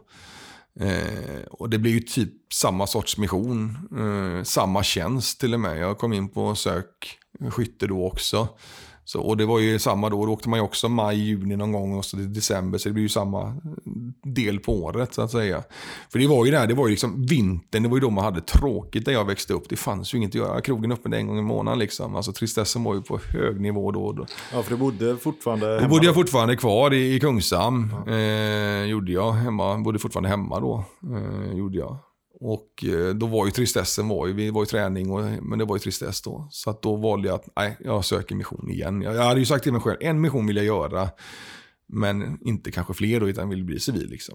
Det, mm. det, jag kan säga du är inte den första gästen här som har... Nej, jag har ju förstått det. Eh, så att det blev ju en mission till där. Eh, med samma upplägg egentligen. Där jag också ryckte in och gjorde sökutbildning och, och, och sen då eh, skytteutbildning då. Eh, det som skilde KS08 var en KS12. Jag, ska säga, jag var ju på väg KS09 ville de ha ner mig till. För det var ju då kravallerna. Eh, det pratade vi det här var ju i var det mars, februari, mars någon gång var ju kravallerna i 2009 i Pristina. Eh, då blev jag kontaktad också av gamla kollegor som var på väg ner. Men då hade jag precis skadats i en skidolycka i fjällen. Så jag gick på kryckor så det var inte aktuellt att åka ner då. Så det var nästan på väg på KS09 men då var ju som sagt, gick jag avslitet korsband. Men det som skilde KS08 med KS12 med att jag hade samma tjänst, det var ju att då hade vi också, då hade man ju minskat förbandet, det gjorde man ju redan redan, jag minns inte exakt hur stor KS09 var, men det var ju kraftigt reducerat var det ju. Men från KS12 var det ju ännu mer reducerat, så då var vi bara ett skyttekompani. Eh, men vi var utökat med, jag tror vi var fyra plutoner istället för tre plutoner hade man ju innan om jag inte minns helt fel. Så vi var ett extra, eh, fy, fyra eller fem, fyra plutoner var vi. Och sen var vi faktiskt fyra grupper istället för tre grupper som vi var på första. Så vi var fyra sökgrupper på plutonen. På KS09 och sen de andra däremellan vet jag inte. För då, då ändrade man konceptet så hade man sökgrupperna på respektive kompani tror jag. För man, Sierra-kompaniet försvann helt. Jo, man la ner hela funktionskompaniet och så la man ut sökkompetenserna på de befintliga skytteplutonerna. Så man hade en sökgrupp eller två sökgrupper per kompani tror jag. Och sen på KS12 då, då var vi ett rent skyttekompani eh, med, vi var ju fjärde pluton då, och fyra grupper. Så vi, då var vi också ett skyttesök, men då hade vi även ett område att ansvara för. Så då blev det ju lite mer linjeverksamhet med det här patrullering och, och, och de här bitarna. Så det gjorde vi också i mån av tid. Eh, samt att då skötte vi även kampvakten vissa delar av veckan. Man skötte en viss bevakning nere, för det, nere i Grasanisha, eh, kyrkan där nere eller vad det var. Hade man också bevakning på. Eh, vi hade även några mindre kamper. Jag minns inte exakt vad de hette. Ja, jag minns inte vad den hette. Och sen hade vi även radarstationen som jag inte heller minns vad den hette nu. Men där hade vi en pluton innanför den radarstationen. Så nu delades mycket mer av verksamheten. Där vi hade kompanier och plutoner innan var ju kraftigt reducerat. Så att det sköts ju bevakning på det nu. Så det var ju ett annat, vi hade ju mycket mer grundverksamhet att sköta under 12, mission 12 då så att säga, KS12. Så då var det ju alltid från kampvakt till att vakta den här bin och samtidigt då göra våra operationer och eh, referenssök och men var, var det på grund av att eh, situationen hade blivit lite stabilare, lugnare? Att, att... Då, det hade ju lugnat ner sig efter kravallerna, hade det gjort. Men, eh, men eftersom vi var så mycket mindre förband, alltså vi var ju ett väldigt mycket mindre förband. Pristina hade man väl lämnat, de kamperna hade man ju lämnat, även Grasanic var ju lämnade liksom. Eh, så där hade vi, alla bodde ju på, på Victoria på den missionen gjorde de. Men verksamheten skulle ju fortfarande fortlöpa. I Pristina hade man nog lämnat över helt till någon annan, det minns jag inte. Men Grasanic hade vi fortfarande hand om till exempel, och vi skulle sköta patrullering där även bevaka kyrkan nere i Grasanice. Så där hade vi alltid folk som stod och vaktade den. Samma den här radarstationen som jag inte minns vad den heter nu. För det var den jag var på väg på KS05 och hamnade på, men jag minns inte vad den hette. Där hade vi ju haft en pluton innan som skötte Samber. Det var ju en, en knutpunkt eh, i radiosystemet nere i Kosovo då. Så där hade vi alltid en grupp, eller en omgång av en grupp. Och sen hade man även en annan kamp som jag inte minns nu vad den hette. Så man delade ju upp grupp, varje grupp i två omgångar. En, grupp satt på, eller en omgång satt på den ena eh, radarstationen, den andra satt i på den andra kampen och vaktade den. För det var ju fortfarande våra verk, det var ju fortfarande svensk trupps eh, mark så att säga. Och samma när man körde kampvakten och satt en omgång i kampvakten och en omgång satt nere i Grasanica. Så då hade man ju den, men då roterade det, det runt på alla plutonerna. Så det var inte bara vi som hade det, utan alla plutonerna skötte ju det. Så rullar man efter ett, vad det nu blir, ett antal veckor i schema då så att säga. Alltså, så, det hade lite mer, så att du som individ hade lite mer att göra då? Ja, ja men absolut. Hela plutonen hade ju mer, alltså det var inte bara beredskap då som det var på första missionen. Då hade vi egentligen bara beredskap och bara sysslade med våra, våra sökverksamhet. Nu hade vi ju den så kallade klassiska skytteverksamheten med allt vad det innebär att patrullera i, i byar och, och, och, i områdena och sånt där då. Så där, där gjorde vi mycket mer sån verksamhet. Eh, så det gjorde att vi faktiskt fick komma ut mycket mer. Att, eh, liksom kände vi att nej, men vi har inga beredskap som ligger på nu, nej, men då, då kunde vi ta en, en dag och åka ut i området och patrullera. Liksom. Det gjorde att den missionen gick väldigt mycket snabbare eh, och mer att göra hela tiden. Man, man, alltså, man vill ju jobba när man är nere. Man, man vill inte bara sitta på kampen. Liksom. Man vill ju ut utanför T-wallsen. Liksom. Men eh, när, när, nu när du var då på din andra mission, kände du dig lite mer hemma och hade du, kände dig lite mer förberedd för vad som komma skulle? Absolut, jo men det, nu kände man sig, man kände sig som en yxa, även om man ja, var veteran, om man nu ska se det så, från en mission. Så det är klart att då kände man sig mer hemma på kampen, det gjorde man ju. Eh, men man försökte också ta väldigt mycket hand om de nya, alltså de som inte hade varit iväg. Eh, nu, jag tror vi var på min grupp så var vi två som hade varit iväg tidigare på gruppen. Eh, så det blev att man tog hand om de nya också. Så att, eh, och gav dem tips. Men man minns ju själv hur man var när man åkte iväg första missionen. Man kittade och det skulle ju vara alla möjliga grejer på stridsvästen och gud, man höll på med sin utrustning. Och, och i slutet av missionen så hade man ingenting kvar för att man behövde ingenting. Och det var ju, alltid, det var ju lite lika kul när man åkte på andra missionen då att oj vad alla skulle kitta. Och man bara, ja, ja men du, jag lovar dig, du kommer att ta av all den här utrustningen för du kommer inte ha någon nytta av den. Och mycket riktigt så. men alla har vi varit nya liksom. Gammal är vis. Ja, men lite så är det ju. Sen, alltså, man, då visste man ju vad man skulle bära och inte bära. Sen hade man ju alltid med sig all utrustning man skulle ha med sig, men man satt väl på ett speciellt sätt liksom. Så, nej, så man kände sig ju väldigt mer hemma, det gjorde man ju absolut. Man, man hittade ju mycket mer, man var ju liksom bekväm i körningen och man visste ju, man kunde ju de flesta ställena liksom. Och, och sådär, så att, eh, så nej, så det var en väldigt intressant mission just för att man fick göra den här lite linjevägs, För det var ju kanske det man saknade. Det var ju så man hade föreställt sig lite mission. Det är ju det här med att patrullera i byar och hjälpa ja, men hjälpa till liksom och, och, dela ut lite flyers och allt vad det kunde vara, leksaker. Det var ju så man, lite kanske den bilden hade jag mission. Att man gick runt och liksom tryggade, tryggade området liksom. Och det gjorde vi inte på första missionen, men andra missionen blev det ju mer den verksamheten liksom.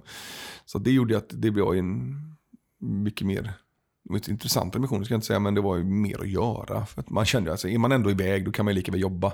Det finns ju inte ett 8-4 jobb. Inte för skyttet i alla fall. Eh, och det fanns det väl inte egentligen för någon verksamhet. För att jag menar, även om mekanikerna, de, de höll ju på Alltså de kunde ju, menar, ibland kunde man ju komma in på kvällen och hade problem med en bil, men då snackade man med mekaniker och så tände han upp verkstaden och så hjälpte han en liksom. Så att man är, man, man är ju tjänst jämt. Mm. Men hur, hur eh, nu KS-missionen då, hur hur var interaktionen med de civila och hur upplevde ni att de upplevde er?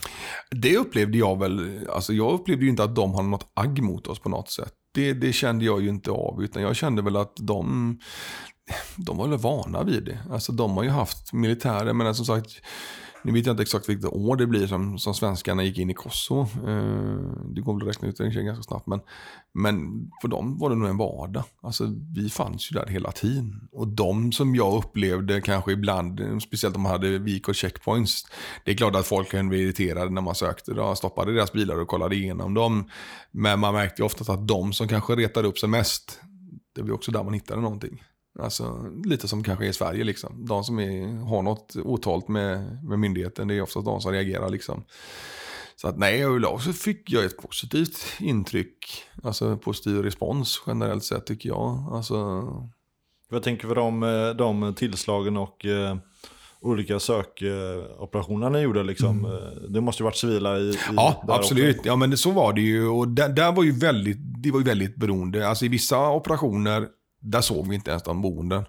För då kanske det var väldigt tungt kriminella liksom. Men i vissa boenden, där satt ju folk hemma. De var ju hemma liksom. De satt ju eh, och blev förhörda.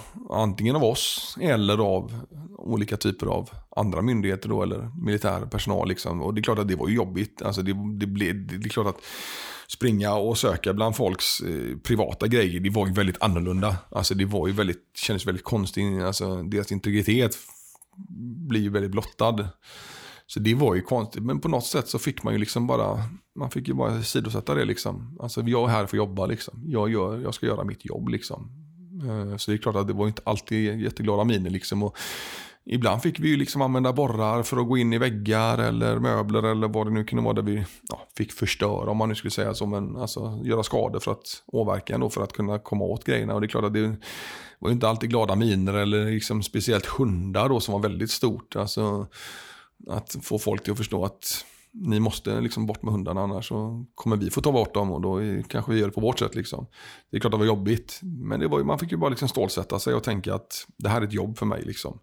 Och, och vi är ju inte där av en, alltså, vi är ju där av en anledning. Det, sen kanske inte det var jättetungt kriminella människor, det kanske var folk som var fattiga men som hade blivit tvingade till att förvara vapen eller gjorde det för att dryga ut pengarna, alltså dryga ut sin egen inkomst att förvara då narkotika eller vad det nu var letade efter. Så att man fick ju bara tänka att ja, det här är ett jobb, jag, jag gör det liksom. Sen var det jobbigt, absolut. Men vi hade ju alltid, alltså efter varje operation så hade man ju after action review som man pratade igenom om det var grejer som var jobbigt eller vad det nu kunde vara liksom. Men det var ju annorlunda, det var ju annorlunda var det ju jämfört med man, man, man är inte van vid det hemma liksom.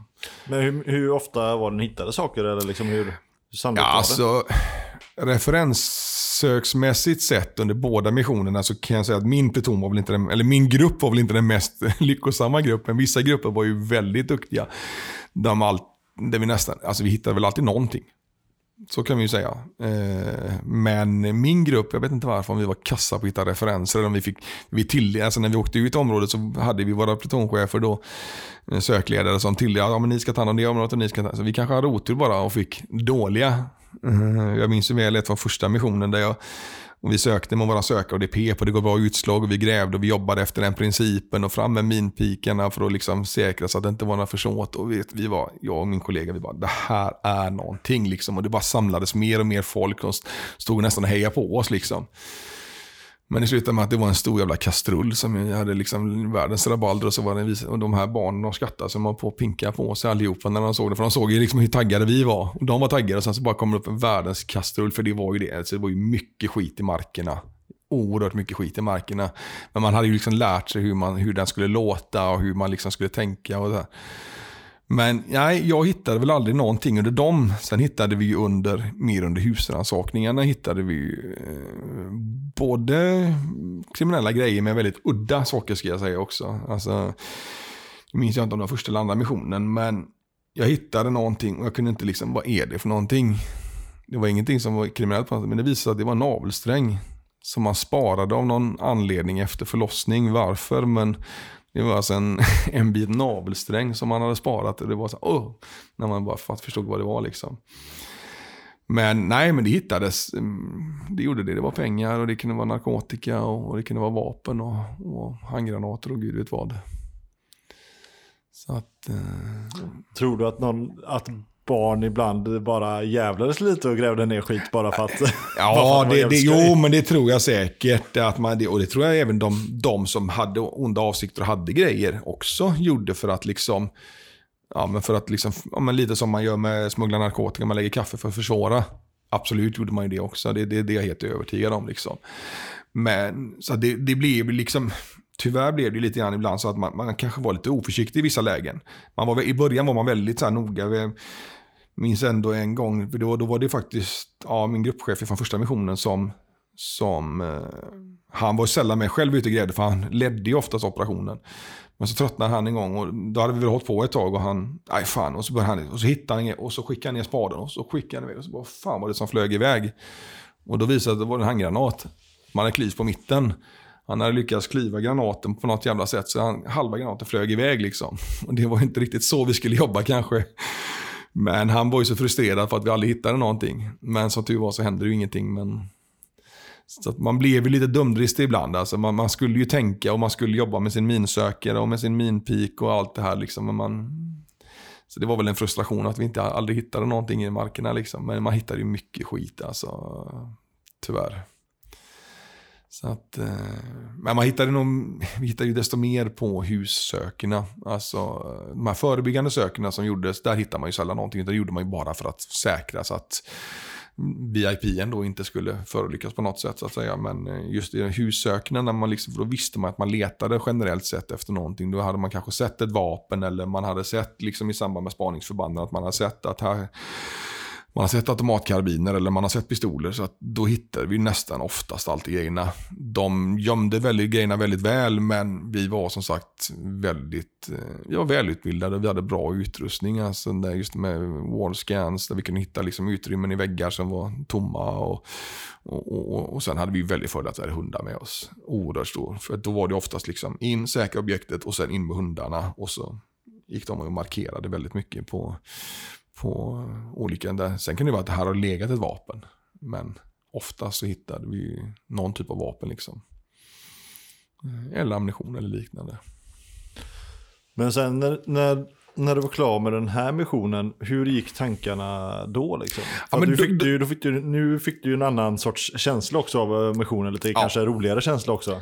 Ja, men det var ju, alltså man var ju mer erfaren, men nu börjar man liksom ändå känna att nu, då, nu är vi, vi inne i, ja, i slutet 2005 är vi inne i nu då, det här, jag är så 24 år gammal och då, då börjar jag väl känna lite grann att nu kanske det är dags att ta tag i livet liksom och bli något, bli vuxen tänkte jag säga. Men, men och då började jag också känna att, för jag hade väl alltid tanken i alltså början av livet, då när jag gick gymnasiet, att jag ska flytta till större stad och liksom utvecklas som människa och yrkesmässigt sett. Men jag valde att bo hemma då för att jag skulle känna att min mamma ja, att hon fick det, hade det bra och liksom hela den här biten. För att det, även om jag gjorde de här två missionerna så det är klart, jag var ju inte, som jag pratade om tidigare i intervjuerna, att jag ville vara mentalt förberedd. Och det är klart, jag hade några små sammanbrott när man liksom blir påmind om, om sin far. Då. Eh, men då kände jag liksom 2005, där slutet 2005, att nej, nu, nu, nu, nu, vill jag liksom klippa navelsträngen med min mor då så att säga. Så då, var ju då, då började jag ju få väldigt mycket upp intresse för, för säkerhetsbranschen då. För då hade man liksom jobbat med kollegor som hade varit väktare och ordningsvakter och hela den här biten.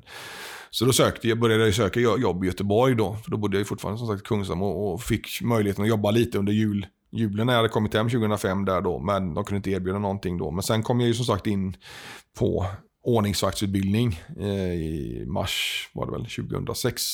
Och gick den utbildningen då. Och eh, då fick jag jobb i Göteborg. Eh, så då valde jag att flytta i början av maj till Göteborg. Och började jobba inom bevakningsbranschen då som väktare och ordningsvakt då. Eh, jag hade också tur att få lägenhet väldigt fort. Jag hade väl sökt under en längre period, men jag hade väl bott i Göteborg en månad när jag fick ett förstahandskontrakt. Så jag hade ju väldigt tur att få snabb lägenhet liksom. Ja, verkligen. ja, jag hade löst boendet under ungefär 6-8 månaders tid framåt om jag inte hade fått den här lägenheten då. Eh, men då började jag jobba inom, sagt, inom bevakningsbranschen. Och det, då är vi inne i april, maj 2006. Eh, och körde väl det i, i, i, sex månader ungefär fram till september 2006. Men var lite trött på den arbetsgivaren. För jag fick bara halva timmar, jaga timmar. Trots att jag, det fanns jobb. Så de skrev ingen anställning med mig. Så jag ledsnade lite, kanske inte på branschen men på arbetsgivaren. Och pratade med en polare och fick jobb på hans eh, fabrik då. Eller familjens, hans familjs fabrik då. Det var ju återigen tillbaka till det här med fisk. Eh, jobbade mycket med skagenröror och sådana goda grejer, potatissallader och sånt. Det är lite västkusttema på hela det här nu då, Ja, men lite. Och... De hette till och med Räk och laxgrossisten. Så att, eh, men då jobbade vi bara med sallader och det var ju jävligt gött var det. Men körde väl på där i... Men insåg väl ganska snabbt att fabrik är ju inte min grej. Alltså, både det sociala inom utlandstjänst men även inom bevakningsbranschen då när man jobbar i publik miljö. Då, för då gick jag ju som sagt på Frölunda torg som ordningsvakt, jag gick i butiker eh, och sådana här grejer. Att jag är ingen social människa, tjata kan jag liksom. Alltså, det har ju min morsa hört sedan jag var liten, att hålla käften. Det har ju inte varit min starka sida i skolan liksom. Det har hon hört från första föräldramötet till sista liksom. Att prata det kan jag ju. Och stå inne på en fabrik där man knappt kan prata med arbetskollegor liksom, det var inte min grej. Så då, då pratade jag med min arbetsgivare och sa att jag kommer söka nya jobb. Och då började jag liksom återigen tillbaka in på eh, bevakningsbranschen och började söka lite jobb där då. Men om jag inte minns helt fel där i, då är vi in, och nu är vi inne i, vad blir det? Mars, april någon gång 2007 så ringer en missionskompis ifrån KS12 och säger att du fan vi har fått ett, eller, vi har fått ett avhopp här. Eller avhopp eller no, de hade fått, de låg, då låg en KS-beskytt kort på hans pluton. Är du intresserad? Ja, för fan. Alltså, jag är på. För jag, då hade jag ju liksom börjat söka nya jobb och ville bort från fabriken. Liksom. Han ringde på perfekt tid. Ja, han, han var ju väldigt på det rätt. Liksom. Och jag, bara hör, jag minns att min mor var hemma i Göteborg då. Vi hade varit på Ikea och köpt massa nya möbler och grejer. Och jag ser hennes liksom, förtvivlan i ögonen när jag nämner Afghanistan. Liksom. Och lite, man hörde liksom henne, hon var kallsvettades nästan. Liksom. Jag bara, nej, jag är på. Alltså lätt. Jag han bara, ja men bra, då, jag är hemma på ledighet nu. Så jag pratade med, då hade plutonchefen åkt ner.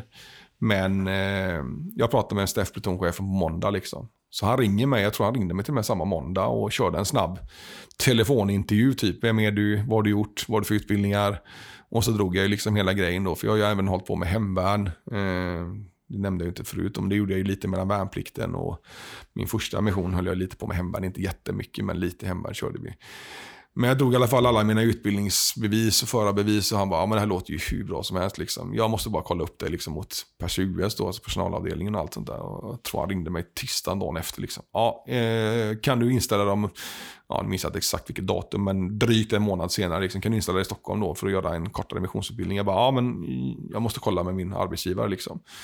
Och man hade ju den här rätten att vara tjänstledig för Eh, totalförsvarslagen eller vad det är. Men då tänkte jag att jag vill vara schysst mot min arbetsgivare. Att, eftersom jag visste att jag kommer ju inte komma tillbaka. Så sa jag det ja, och så berättade jag att ja, jag har ju den här rätten. Men om ni är schyssta mot mig, om ni ger mig uppsägning kortare än en månad, för det var ju en månads uppsägning man hade, så släpper jag min tjänst helt. Då, då säger jag upp mig liksom. Och bara, ja, men självklart. Så då harvade jag ju på de sista liksom, tre månaderna och sen var det ju inryckt då. För då hade ju plutonen åkt ner. Jag vet inte exakt när de skulle åka ner plutonen, men de hade ju åkt ner när jag började mitt inryck då. För då var ju gruppcheferna, när han ringer mig den lördagen så var ju både gruppchefer och plutonchefer var ju redan nere för den här hoten, eller vad kallar man det, handover and takeover överlämningen då. Så att de var ju på väg ner till missionsområdet. Så jag åkte ju in till Stockholm och körde en veckas missionsutbildning. Eller missions, missions. Jag sköt in min AK5, provsköt pistolen lite, eh, testade skyddsmasken. Och det var väl i princip det jag gjorde nästan. Och och sen så bara liksom när den här veckan, när den veckan bara tar slut så bara, ja, men när ska ni åka ner? Det var ingen som visste någonting liksom. Så jag bara frågade, ja men, ja, men du åker ner på måndag. Jag bara, alltså, och ryckte in på måndagen och ska åka ner måndagen senare liksom. Jag bara, okej, okay, här var det snabba fix liksom. Så det var ju liksom bara att packa, alltså allting låg ju packat. Jag hade ju i princip inte packat upp någonting liksom. Man hade de här fyra, fem eh, stridssäckarna med kläder, för man tog ju bara ut det man behövde liksom. Och sen var det ju bara hem till morsan, bara du jag åker på måndag till Afghanistan liksom. Och hon var ju sådär nöjd liksom. Första missionen var ju jobbig för henne för då visste hon inte vad det handlade om riktigt. Sen andra missionen var det ju lättare för då förstod hon att det är ju inte så farligt. Liksom. Jag kunde ju ringa hem varje kväll och, och sådär. Liksom. Men Afghanistan, där var ju, det var ju lite annorlunda. Liksom. Man, där hade man ju ändå hört och visste ju att det var, det var liksom varit ett av världens mest krigsdrabbade länder. Liksom. Även om det hade varit lugnt i svenskarna hade ju inte blivit så utsatta. Det var, var ju de här två mm, från SSG då, så det var väl det enda man visste som hade förolyckats. Eh, så var det ju de här två SSG-killarna som hade gått bort i Afghanistan när jag åkte ner. Så det hade inte varit några eldstrider så som det är efter jag kom hem därifrån. Så där visste man inte heller vad det är. Liksom. Ja, ja, men jag tänkte ju liksom, okej, okay, Afghanistan, Kosovo, ja. visst det är kanske lite hetare område, men det är väl inte så stor skillnad tänkte jag. Liksom. Fan, vi kör liksom. Ja, för hur såg liksom medierapporteringen ut hem, eller minns du hur? Alltså, ja, men det är det, alltså, jag minns ju inte att det var speciellt mycket, inte, inte de norra delarna där vi, där vi vårt insatsområde, Masai Sharif, där vi var stationerade. Alltså, man har läst ju om Helmand och de södra delarna, att där var det ju jätteoroligt. Liksom, och, men det hade ju inte, det hade ju inte Alltså, alltså det har inte blivit så mycket norrut. När vi, som sagt, nu, nu är vi inne i 2007 eh, och 13 missionen. Och, och sagt, då hade ju inte svenskarna börjat hamna i eldstrider och vi hade inte varit så utsatta eh, som man idag har varit liksom med tidigare eh, gästerna du har haft så att säga. Eh, vilket innebar att det var, man var inte så, speciellt, en veckas förberedelse liksom. Det var, det var inte heller speciellt, man var inte så förberedd. Bara så man tänkte, jag har ju gjort mission innan. Men jag minns ju så väl nu pratar jag om det på mina tidiga missioner, alltså, just det var ju första intrycket när, när man kom ner till Afghanistan så var det ju helt andra intryck. För då började man inse att fan, ursäkta svordomen, men det här är ju på riktigt. Alltså, när man, för då hade, när jag väl kom ner så hade min grupp redan åkt hem på sin första liv. Så jag fick ju hoppa in i en annan eh, grupp under tiden de var hemma då. Och då minns jag ändå att bland första, då var det liksom ner, här är en utrustning, eh, jag hade ju inte fått, för både mina pistoler och min AK5 skulle ju skickas ner. Så jag fick ju springa till förrådet bara, men vad har ni och vad kan jag få låna liksom? KSB fanns ju där, jag skulle vara KSB 90 skytt då.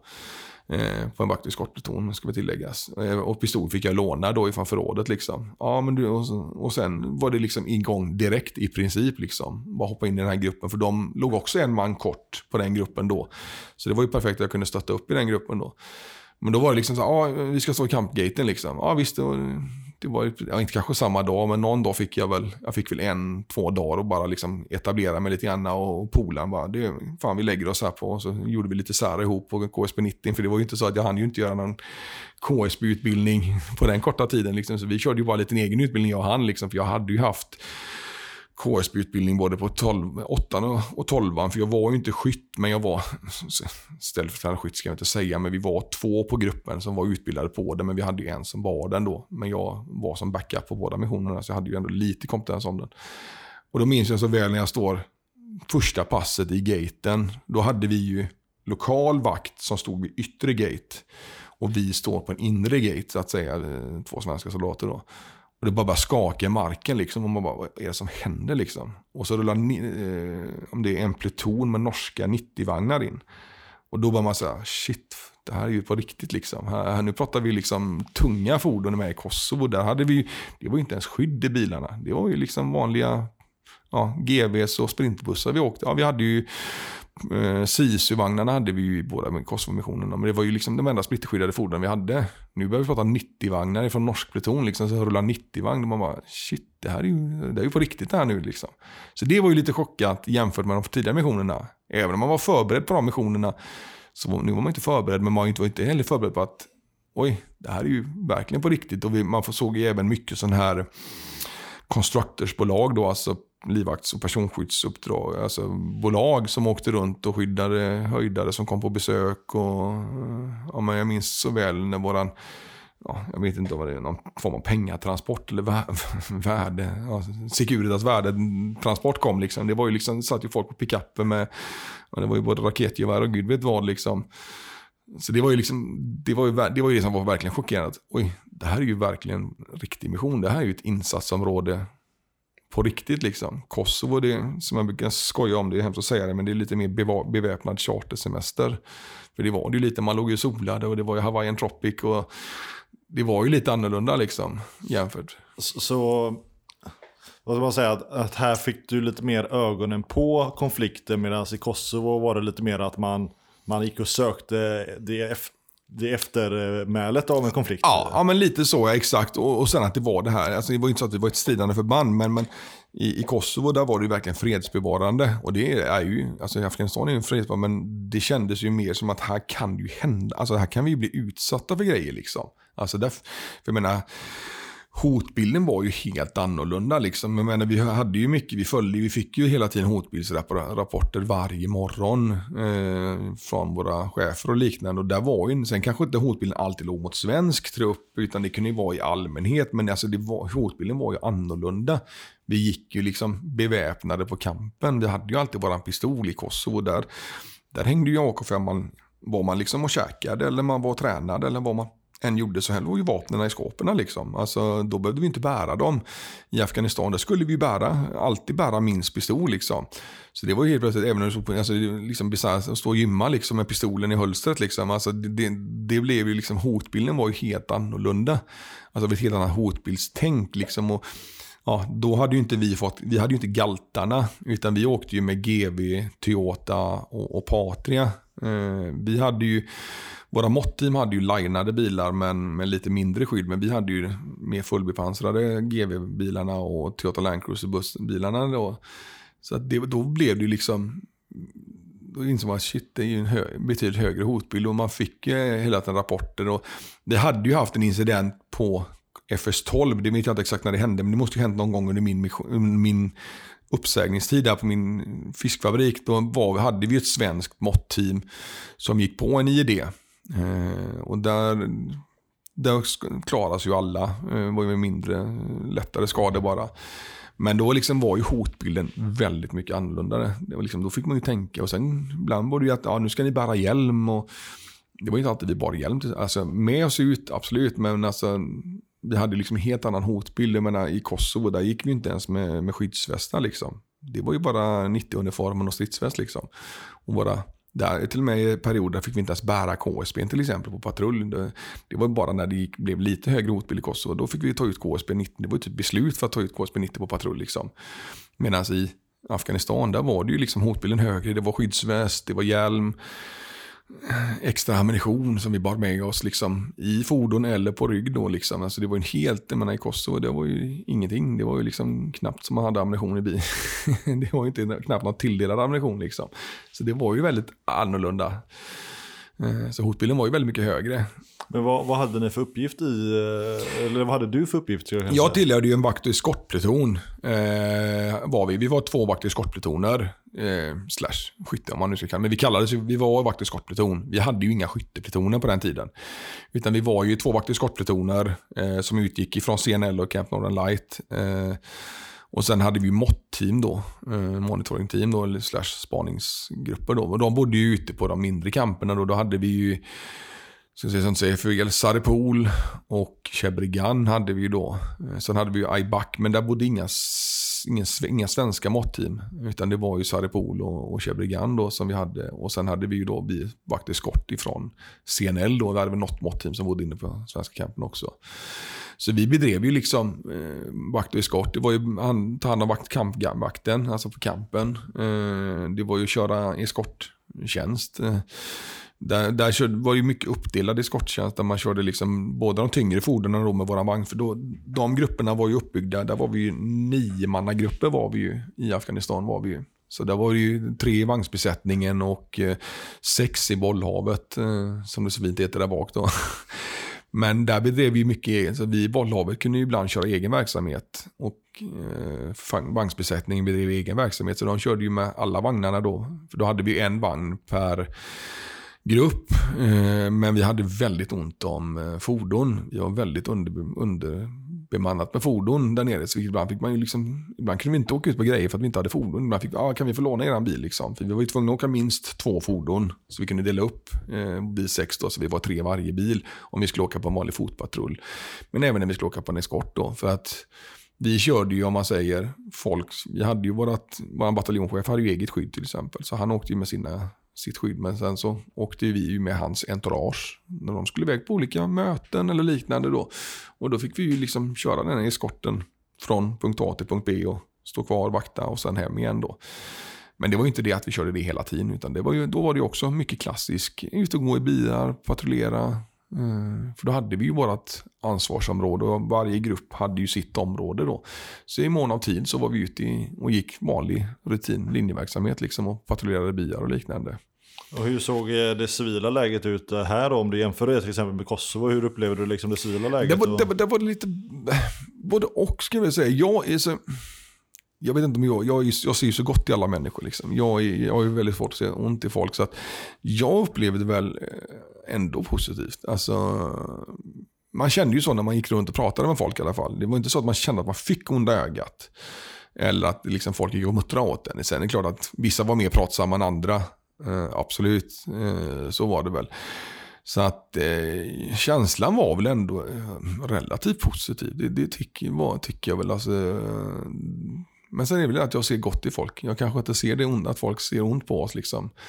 Utan att eh, jag fick väl ändå känslan av att det var ändå relativt gott. Och som sagt, det var ju, ja, det var ju inte, hotbilden fanns ju, men det var ju inte riktigt kanske som det var de senare missionerna sen när vi började prata eldstriderna och, och, och när vi har förolyckats och liknande. Så vi hade ju ingenting sånt alls. Vi har ju varit väldigt förskonade för sådana grejer. Har jag ju varit. Eller vår mission var ju det. Säga.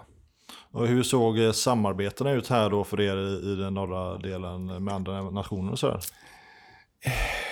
Och med lokalmyndigheterna? Eh, viss sampatrullering med, med de lokala AMP och ANA och det här hade vi ju. Eh, kanske inte i lika stor utsträckning som man hade på de senare missionerna. Det, det, det, det, var nog mycket mer de senare missionerna. Men en viss sampatrullering fanns ju. Och, och sambevakning då på, på vissa grejer. Då. Men, men mycket var ju att vi skötte oss själva och gjorde vår egen verksamhet. Andra nationer minns inte om vi direkt samarbetade med andra nationer så direkt faktiskt. Utan det var vi, nej, inte vad jag kan minnas att vi direkt hade några samoperationer. Alltså vi gjorde inte operationer på det sättet, utan vi körde ju mycket egna, alltså egen regi i våra egna byar. Liksom med, vi hade ju inte alltså massa andra områden så, så som man kanske hade på senare missioner med allt det här som kallas för kullen och, och de här bitarna. Vi hade ju ingenting sånt alls, utan vi, vi hade väl en relativt stor operation tidigt där. Det skulle ju vara, var det val? Ja, det var någon, var det valår? Ja, jag ska låta det vara osagt, men då skulle vi veta att vi skulle vi skulle ligga utanför Chebrigan i alla fall och vara behjälpliga för våra måttteam i Chebrigan då ifall att det, för det skulle vara demonstrationer och liknande. Och det var väl lugnt, men sen så fick vi, fick vi till oss att nej, ni ska omgruppera in till kampen. Eh, sen slutade det med att vi fastnade på den kampen i en veckas tid. och då minns jag ändå, jag ringde ändå min morsa på, innan och sa att jag ska iväg och jobba lite. Så, men vi hörs ikväll liksom. För jag, jag har alltid varit så när jag varit iväg. Jag vill alltid ringa hem liksom. Sen berättar jag ju inte allting som händer till min mor. Men jag har ändå alltid varit sån och det är än idag. Jag vill prata med henne hela tiden liksom. För hon är, vi, vi har ju bara varandra kvar liksom. Men eh, då fastnade vi en vecka på den här kampen. Eh, och jag minns ändå att jag, jag, fick, jag fick ingen bevakningsuppdrag när jag kom dit. Så jag bara, men jag går och lägger mig liksom. Och tvärsomnar liksom. Och vaknar dagen efter. Bara, shit vad folk det är. Då hade det även kommit en norsk QRF-pluton och tryckt sig in på den här lilla kampen. Och menar, då var ju inte, nu vet ju inte jag hur Shebregan-campen idag ser ut. Men då var det i princip bara typ två hus, två små hus liksom och någon liten typ träningshall. Liksom. Det var ju väldigt lite och där tryckte vi in liksom 60 man. Vi var ju en 30 man, nej inte riktigt 30 man pluton. Ja, nästan. Ja, vi var nog 30 man pluton. Och sen en norsk pluton på detta, så det låg ju fan med folk överallt. Alltså det låg, ö, överallt låg det folk. Och jag minns ändå när jag skulle liksom ta min utrustning och gå iväg. Liksom, då hade han, den här norrmannen som låg bredvid mig, han hade lyckats sätta sin eh, NATO-säng över min KSB 90. Liksom, så jag fick lyfta. Och han, han flög upp och trodde att nu eh, har det hänt någonting. Liksom. Så han, jag bara, ta det lugnt och lägg det. Liksom. Jag ska bara ha min utrustning. Och då, eh, men där fastnade vi en vecka. Och den kampen var inte byggd för en vecka. Nackdelen var ju bara det att hela vår eskortpluton var ju där. Och var den andra eskortplutonen med också? Och jag tror Undrar om inte den andra eskortplutonen var med också. Att vi båda var, alltså var där. Vilket innebär att vi kunde ju inte få någon understödning från CNL. För vi hade ju inga som kunde köra ut förnödenheter liksom. Så det var ju liksom, alltså det var ju att vända på varenda liten, de hade ju bara sin lilla matranson för hur många de bodde på den här campen. Liksom. Så det var ju leva på rations och ja, jag rökte ju på den tiden också. Och du vet, det var ju bara att vända på varenda liten cigg. Vi delade alla, det var som i skolan, man träffades på rökrutan. Har du kvar några cigg? Har du kvar några cigg? Har du snus? Varmröka in i fimpen? Ja, men det var lite så. Så det lärde jag mig efteråt sen, att en limpa cigg skulle alltid ligga i trosspackningen liksom. Men till slut då så fick vi skickat iväg då när liksom, för då var ju hotbilden ganska hög mot oss där liksom. Så då var det ju liksom, då hade vi vakt dygnet runt och det var ju folk på taken och, och sådär. Så att, men då till slut lyckades vi ju få iväg folk så vi kunde åka in till CNL för att hämta förnödenheter och liknande. Och det var ju samma, toaletterna var ju inte jättefräscha när det hade varit liksom nästan hundra man och de hade ju typ bara en, två bajamajor liksom. Det var ju det de hade. Så i slutet så fick man ju stå på den här bajamajan för det var ju liksom det var pubstickle. den var, det var fullt i bredden. Så att man fick ju stå och göra sina behov i slutet. Liksom, så var det liksom så att det nästan gick över kanten. Liksom. Så det var väl lite sådär jättefräscht. Och visst, man hade ju sin grundpackning. Det här du alltid skulle ha med dig i trossen. Men den var väl kanske inte gjord för en vecka. Så det var ju liksom vända in och ut, bak och fram, upp och ner. Med alla, med alla kläder man hade liksom och försöka att, att tvätta det man kunde där liksom. Sen satt vi ju bara på campen, vi var ju liksom inte ute något större. Sen började vi komma ut efter några dagar då när liksom det hade lugnat ner sig och ut och lite patrullera. Men... Så det, och den, det, det, hade jag inte varit nere i många veckor när det hände liksom. Vad sa morsan när du ringde sen efter en vecka då? Ja, jag, jag skyllde ju på att uppkopplingen hade varit dålig. Jag, som sagt, nice to know, need to know. Eh, man behöver ju inte, för det. Ordergivningen då var ju ändå ganska hård om att nu kan det hända grejer liksom. Det var beredd, eh, värsta liksom. Men eh, som sagt, man behöver ju inte berätta allting över en dålig eh, satellitlinje liksom. Så jag skyller väl på att eh, uppkopplingen hade legat ner en vecka. För det kunde det ju hända. Alltså, Kosovo var ju uppkopplingen relativt stabil. Afghanistan gick det ju väldigt mycket upp och ner, det gjorde det ju. Så att eh, återigen, nice to know, need to know. Man behöver inte berätta allt för sin mor. när ni var tillbaka då på CNL och så, hur såg liksom eh, hur såg den lediga tiden ut? Vad, vad, om du jämför också då med Kosovo?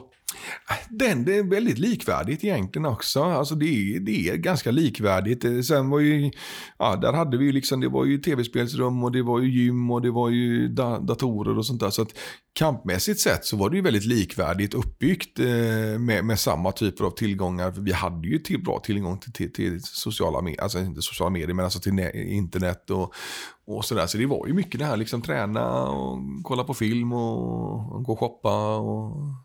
Sen var inte shoppingen lika bra i Afghanistan som den var i Kosovo. det var ett amerikanskt företag som hade de affären där på P. Det var ju inte, det var inte, ett, ett PX, det var ju mer en affär liksom. Ja, för jag, för jag har ändå fått för mig att när jag pratat med många att eh, de amerikanska PXerna på amerikanska kamperna är ju liksom att då, det är ja, ja. Så det, det, är ju liksom, ja, ja det, det går inte, svenska PX var absolut jättebra. Fanns det inte hemma så kunde de ta hem det. Men amerikanska barnstil då i Kosovo, det, det var ju liksom, ja, där fanns ju allt möjligt. Det var ju alltid, det var en blandning av en klädbutik, terräng, gymbutik, allt. Alltså du kunde ju köpa precis vad du vill. Sen var ju luncherna i, på amerikanska campen var ju också en, eh, det, det var ju en, en egen historia i sig. Liksom. Där åkte man ju ofta på backsisresor liksom, bara för att käka lunch på amerikanska campen. Liksom. Det var liksom tårtor och pommes frites och gud vet vad. Liksom.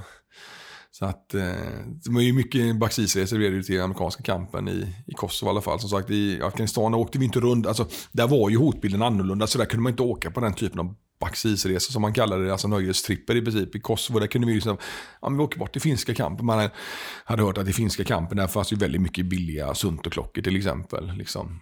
Då åkte man dit för att shoppa klockor liksom. Åkte man till Bonster, då ville man kanske käka lunch liksom. Så där kunde man ju åka på lite mer nöjesresor om man nu ska kalla det så liksom. Men i Afghanistan var det ju inte på det samma, samma sätt. Det, så där var ju hotbilden annorlunda. Så det, när vi lämnade kampen i princip i Afghanistan så var det ju för jobb liksom. Det var ju inte för ren nöje.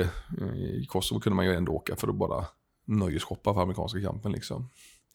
Så det skil, där skiljer det ju väldigt mycket. att eh, Där kunde man ju åka på den typen. Jag menar som i andra missionen i Kosovo, då åkte ju iväg hela plutonen och besteg. Jag tror det är Kosovos högsta berg till exempel. Det gjorde vi som en plutonsgrej. Liksom. Åkte dit en dag och, och besteg ett berg. Liksom, för att sen åka hem.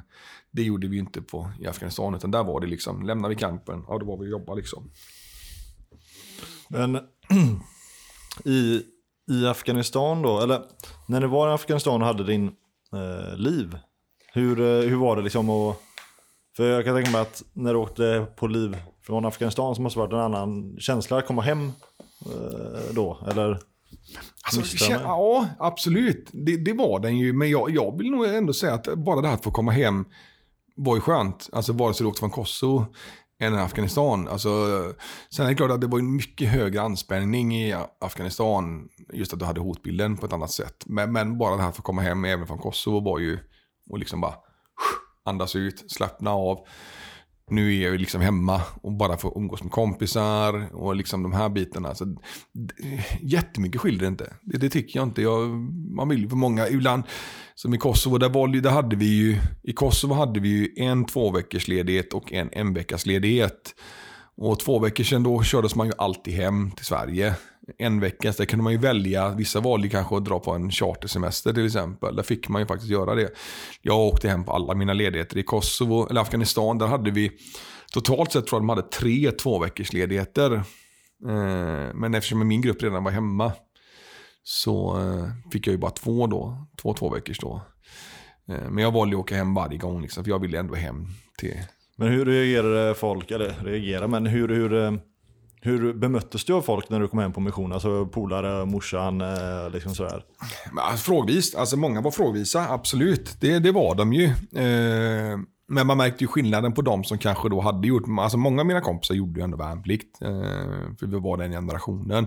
Men det är klart att de var ju kanske mer intresserade av det, de som har gjort lumpen. Sen är det många av mina absolut närmsta vänner, eh, om jag ska prata barndomskompisar, de, de gjorde ju lumpen mer för att man måste, inte för att de kanske ville alla gånger.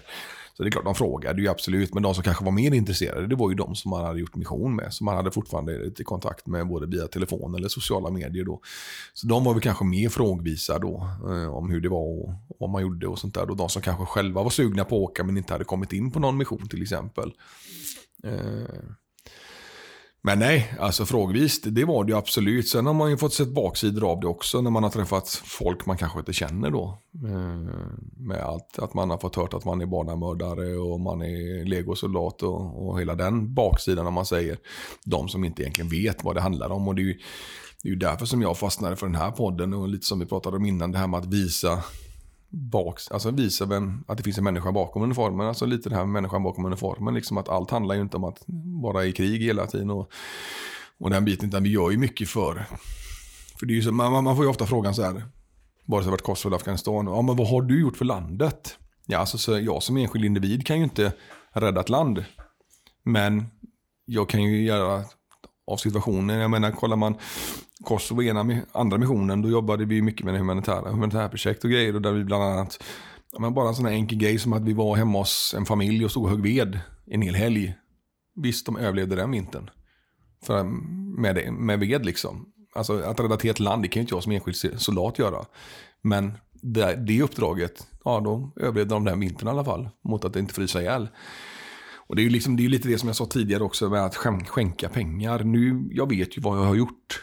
Jag har liksom spritt glädje till barnen med att kunna ge dem allt ifrån reflexer, leksaker, skolböcker, alltså ritblock och, och, och de här bitarna liksom. Alltså, jag kan inte rädda ett helt land. Nej, Vi som alltså, pluton kan inte rädda ett helt land. En, Många gånger så är det för folk kanske inte riktigt förstår att när man inte gör någonting, det vill säga när man inte behöver bli bunden i strid, mm. det är mm. också då man gör mycket för då skapar man en trygghet ja. och ger man ju förutsättningar för folk att med sin egen frihet göra det de önskar för sig och sin familj. Och det är ju mer värt än att till och med att stå och hugga ved för en vinter. Ja. För att har de möjlighet att göra någonting med sin frihet för sin situation så kanske de kan sätta sig en bättre sits till nästa vinter. Ja. Ja, men det, och det, så är det ju. För det, det är ju därför som jag, jag, man fick ju ofta frågan, vad gjorde du?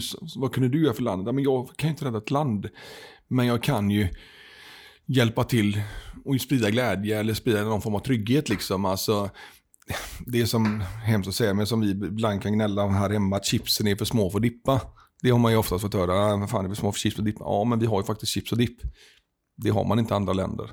Där är ju skillnaden liksom. Vi har ju oerhört tryggt. Alltså vi har ju det väldigt bra. Sen kan man tycka om våra politiker hit och dit. Det är en annan diskussion, ett annat forum. Men vi har det fantastiskt bra. Sen är det många även i vårt land som har det tuffare än, än andra, absolut. Men, men eh, vi har det ju fantastiskt bra. Alltså med allt vad det innebär. Flickor som får gå i skola, pojkar som får, alltså vi får gå i skola, vi har sjukvård vi har trygg, alltså, sen kan man tycka att vi är underbemannade med poliser eller vad det nu kan vara. Absolut, men, men vi har ändå det. Och vi, liksom, vi har tryggt samhälle liksom. Ja, för jag tänker vi ska gå in lite på här nu liksom efter, efter mission och så här och lite hur du reflekterar på, på, på livet nu och så här. Och, men för, för jag tycker det är ganska intressant just som du säger, för det är ju en, en återkommande grej jag har hört hos många veteraner och även många som jobbar inom till exempel utryckningsyrkena då som jag har lite mer bakgrund i. Eh, det här med att man, man, ser saker på ett annat sätt till exempel. Eh, många som jobbar i blåljusyrken har ett annat sätt att se lite på, på vardagen, att eh, man, man tar lite tillvara på det. Och som du säger där att ja, men, vi har åtminstone chips och dippa liksom. Det är, mm. det, är, det är inte många ställen man kanske har det. Nej. Nej, och det, så är det ju. Man lär sig ju uppskatta saker på ett helt annat sätt. Jag menar, alltså, visst, vi har förolyckade barn med, och, och vuxna och liknande här hemma med trafikolyckor och allt vad det är. Men jag minns så väl en, en operation vi var på där det kommer en pojk åkandes på en skateboard. Och det var inte som i Sverige, han åkte skateboard för att han tyckte det var kul. Han åkte på skateboard för att båda hans ben var bortsprängda. Så han satt i princip med underkroppen på en skateboard och drog sig fram med händerna. Och den bilden sitter ju väldigt hårt fast i mitt huvud. Liksom. Så att det är ju det här att alltså, vi, har, vi har det oerhört bra här hemma. Liksom, att gnälla för små, alltså det är som att säga gnälla för skitsaker. Det, sen är det klart att det är svårt. Det har man ju försökt att implementera för sina barn eller sina vänner. Och det är klart, det är svårt för dem att sätta sig in i sådana situationer som inte själva upplevt det. Medan en annan har upplevt de här situationerna. Alltså det är klart att det är svårt för andra som inte har upplevt det att sätta sig i de här situationerna. För det är en självklarhet för dem. Att det finns chips och det är fredagsmys och det är lördagsmys och det är McDonalds och allt vad det är. Men det är ju det som jag liksom har försökt att liksom ta med mig. Det att jag, jag har lärt mig uppskatta saker och ting oerhört mycket. Alltså de små detaljerna liksom. Alltså, för att vi har det väldigt bra här hemma liksom. Ja, alltså för det är ju någonting som jag upptäckt då med min, min generation som inte haft värnplikts, eller plikten för, att tjänstgöra i militären så att säga. Mm. Så, så kan jag ju upptäcka, och det tror jag nämnt i tidigare poddavsnitt också, men det tål att säga igen, att man upptäcker att det finns viss eh, eh, vissa trösklar som är lite olika höga hos olika folk. Mm. Eh, för att någonstans så lär man ju sig när man blir, när man blir satt i en situation där man inte riktigt kan påverka så blir man ju tvingad att bara acceptera att mm. man inte har det hundra liksom. Men att det funkar ändå. Uppenbarligen så överlever man till ja. nästa dag liksom. Ja men så är det ju. Jag menar, jag är jätteäckelmagad med dofter. Och jag menar, vet ju man, jag bytte blöja på min lilla dotter liksom. Jag stod där och hulkade mig. Men där nere liksom, går man in i en uniform, man går in alltså, man går in i en roll. Jag menar, jag vet jag stod i, på ett sjukhus och hade, ja vi vaktade bara läkare som var där på besök. Och helt plötsligt ser jag bara i ögonvrån, det kommer någon gående som en skottkärra. Jag reflekterar inte över det. Och så bara kollade jag, så bara, men fan det ligger ju en i skottkärran. Bara det är ett lik liksom. Det låg en hopbackad gubbe liksom. Som hade, ja, han, var ju, han var död liksom. Och det, det, det, alltså, jag är inte empatilös, men det var liksom så här, jaha. Alltså du vet, man, man blir liksom så här, men sen efteråt, då kommer reflektionen liksom, bara, shit vad fan var det jag såg egentligen? Fan var det, ja, det var ett lik liksom. Medan hemma, då, alltså hade jag varit hemma då hade jag fan svimmat liksom. Så att man, liksom, man, man, man, man får en helt annan syn på, på, på hur de har det. Alltså, du, du sitter och kollar på Rapport, Aktuellt och Rolf Porseryd och allt vad de heter. Liksom. Men den baksidan, och det är ju som blåljuspersonal också får uppleva liksom, när man kommer hem till familjer som har det tufft. Och speciellt då kanske poliser, även sjukvård och även brand som åker hem. Alltså, man, har, man, man lär sig uppskatta saker. Det är, ju det, som, det är ju det jag har tagit med mig väldigt mycket hem ifrån mina missioner. Att uppskatta det lilla man har. Liksom. Eh, det finns de som inte har det, inte ens närheten kommer få det heller. Liksom. Så att eh, det har jag tagit med mig och försöker implementera det i nära och kära och mina barn. Och att de ska liksom uppskatta det ni har. Alltså, för det är, det är som man bara brukar säga på julafton, de bara river upp julklapparna liksom. Och sen så, ja, bort med den, fram med nästa. Och, men det, det, är ju svårt för folk som inte har varit iväg att sätta sig in i de situationerna. Ja, alltså det, det är ju det är därför jag tycker det är lite intressant alltid att fråga om det här med, med, med den civila, hur man upplever de civila och så. För det är så jag upplevt det i blåljusyrket framförallt då när man är, du som du sa där, att eh, när man kommer hem till folk. Så eh, jag kan uppleva att det är inte kanske patienten som är den som eh, fastnar kanske i, mm. i efterhand, utan det är ju de som är runt omkring som mm. är anhöriga. Mm. Det är nästan där som eh, det som fastnar mera än mm. kanske själva sjukdomsförloppet eller ja, vad det nu må vara. Ja, men absolut, det kan jag tänka mig. Så att det är alltid intressant att se där hur de civila påverkas, eller liksom hur, hur ens uppfattning av det civila läget mm. är. Ja, För ja, en men... kombatant är en kombatant och liksom, eh, många brukar säga att ja, det är, vi är strid liksom. Ja. Jag ska vinna, jag ska ja. hem. Men de civila är ju de som ofta sitter i kläm. Ja, ja och så är det nu. Som sagt, vi var ju väldigt förskonade. Alltså, vi, ha, vi hade ju inga, inga incidenter. Ja, vi hade en incident som, rikt, som jag minns som riktades mot den andra eskortplutonen med en självmordsbombare. Men sen var ju vi förskonade från allt sånt där liksom vi var ju väldigt, vi hade ett finskt måtteam som gick på en EOD där vi faktiskt hade kört på samma område dagen innan. Om de hade lagt ut den efteråt eller om vi missade. Där fick man ju reflektion. Missade vi tryckplattan? Eller var det nu hur den utlöstes? Eller lades den ut efter oss? Alltså då får man ju reflektion. Men vi var ju väldigt, försko alltså, väldigt förskonad mission. Det var väl först på, vad det är för 15, 16 någonstans när det började. Och då gick det ju riktigt på, på röven.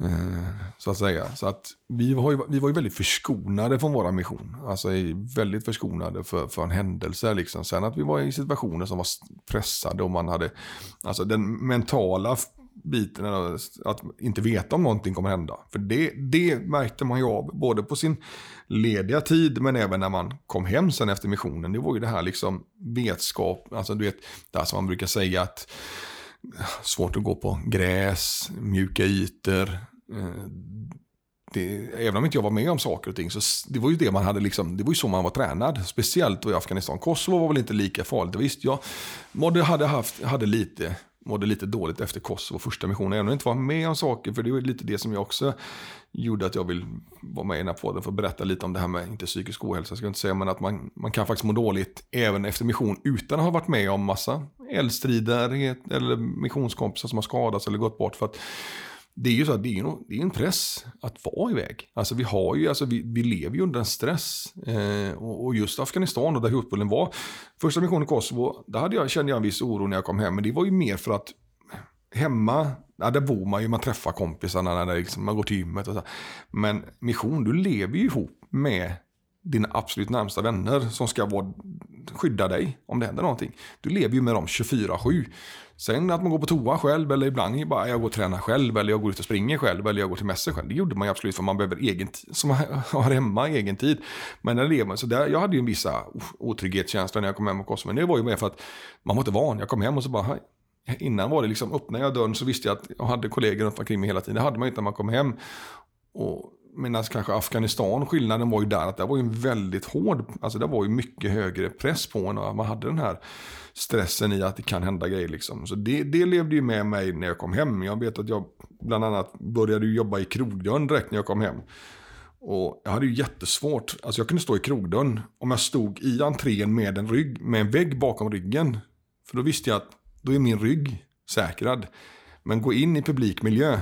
alltså in på nattklubben. Det visste jag ju inte vem jag hade runt mig, jag visste inte vem jag hade framför mig, bakom mig. Jag hade ju inte ett skydd i Afghanistan. Så fort jag gick utanför bilen, då hade jag 360-skydd runt mig själv. För då visste jag att kollegan, kollar jag klockan tre, då kollar han klockan nio, hon klockan tolv och han klockan sex och allt vad det nu var. För då visste jag att då hade jag alltid ett skydd runt omkring mig. Så den, den, den otryggheten upplevde jag ju väldigt mycket när jag kom hem. Eh, och, och... Men det är ju det är en väldigt vanlig grej alltså hos folk med någon form av militär bakgrund. Eh, det här just med att ha ryggen fri. Mm. Jag känner igen det själv också. Och då är inte mm. så jag har varit på utlandsmission eller någonting. Men jag, jag upptäcker att helt plötsligt när jag och min fästmö har gått och satt oss på café så, så gillar jag att sätta mig in i, i hörnet till exempel. Ja. Så här, och det är ja, ja. bara en, helt utan att tänka på det liksom. Ja, ja, nej, men så är det ju. Det är just nu när jag jobbar inom bevakning, alltså inom säkerhetsbranschen. Jag menar, min fru hatar att gå med mig i köpcentrum liksom. För jag letar ju snattare. Jag kollar ju efter snattare, avvikande beteende. För det är ju det man kollar efter. Vare sig du jobbar inom militära och är ute och patrullerar så letar du efter avvikande beteende. Jobbar du i publik miljö, så inom bevakning som väktare eller ordningsvakt eller vad det är, så det är avvikande beteende där också. Och därför är min fru ibland, hon hatar ju, för hon bara, du glor så mycket på folk. Ja, jag iakttar folk, jag glor inte. Jag iakttar. Jag vill veta vem jag har runt omkring mig. Och därför hade jag jättesvårt att röra mig i publik miljö direkt efter Afghanistan. Återigen, jag var inte med om någonting men det satt liksom så hårt intryckt i ryggmärgen att jag liksom hela tiden ville veta vad jag hade runt omkring mig. Men hur, hur hanterade du det då? Liksom? Hur identifierade du det för det första? Jag identifierar mig som väldigt orolig. Jätteorolig person. Eh, kanske isolerade mig till viss del. Alltså isolerade bort mig från folk. Valde kanske inte att gå ut. Eh, val, så här, jag mådde dåligt med min första mission för då visste jag inte riktigt hur jag skulle behandla det. Men jag kom in i livet ganska snabbt och liksom i sidan att det andra missionen, ja men då visste jag lite hur, då, då började jag liksom redan och förbereda mig för hemrotation. Nu ska vi snart hem. Vad har jag, vad jag kommit hem till? Okej, okay, om jag har ett jobb att komma hem till, jag har det. Alltså du vet, förberedde mig. Afghanistan lika så. Jag förberedde mig också. Jag hade inget, jo, jag hade faktiskt ett jobb på väg, alltså en intervju när jag kom hem. Men men, och jag försökte ändå komma ut i arbetslivet ganska fort för att få det här liksom, ja, men lite samma gemenskaphet. Fast kanske ändå inte lika intensiv som man har eh, när man bor där nere. Men, men jag upplevde mig som väldigt orolig när jag kom hem. Just det här att, ja men du vet, eh, hela den här grejen med eh, publikmiljö, mycket folk runt omkring mig. Det var ny, eh, visst, man hörde att det sköts och man hade de här stridsflygarna som gick över kampen. Men jag menar, nyårsafton till exempel, även om det var ju, blev ju ändå så här, du vet, man hoppade till lite grann. Alltså man, och, och, och hela den här biten. Och, och vi hade ju som sagt återträffar sex månader senare, men någonstans mellan hemrotation och återträff vid ett tillfälle. Dock ska det väl sägas att alkohol var inblandat. Inte för att det var något speciellt så, det var bara lite fest. Men då, jag, jag bröt ihop en kväll eh, hemma hos, eh, hemma hos mig faktiskt. Jan Pola satt och hade lite eftersläckning och bröt ihop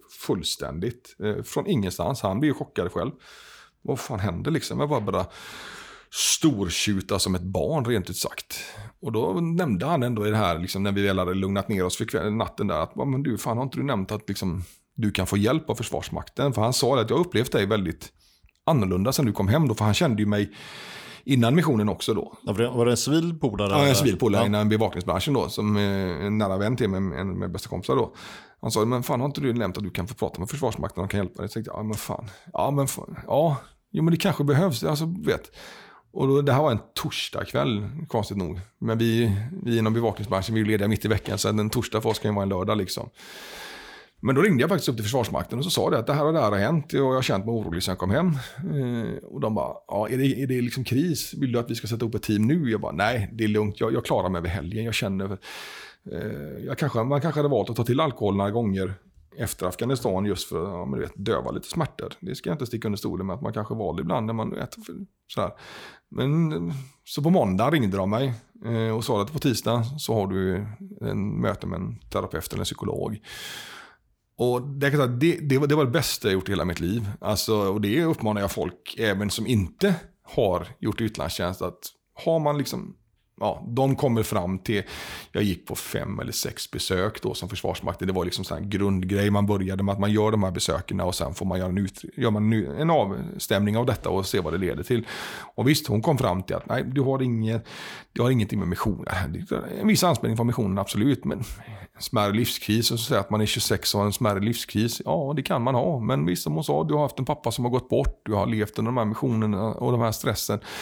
Och det är lite det som jag ville få fram på den här intervjun. Det är att man kan faktiskt må dåligt även att man inte har varit med i massa eldstrider eller hemskheter på det, på det sättet. Att det är liksom att det är väldigt viktigt att tänka på det. Och det, det uppmanar jag ju folk till även i det civila livet. Att fan, alltså har man en tung period, vare sig det är skilsmässor eller vad det är, alltså prata med någon som är utanstående, det är det absolut bästa jag gjort i hela mitt liv. Alltså det var så skönt att bara få gå de här samtalen och bara snacka av sig. Och vi, vi pratar inte bara mission, alltså vi pratar ju allt liksom.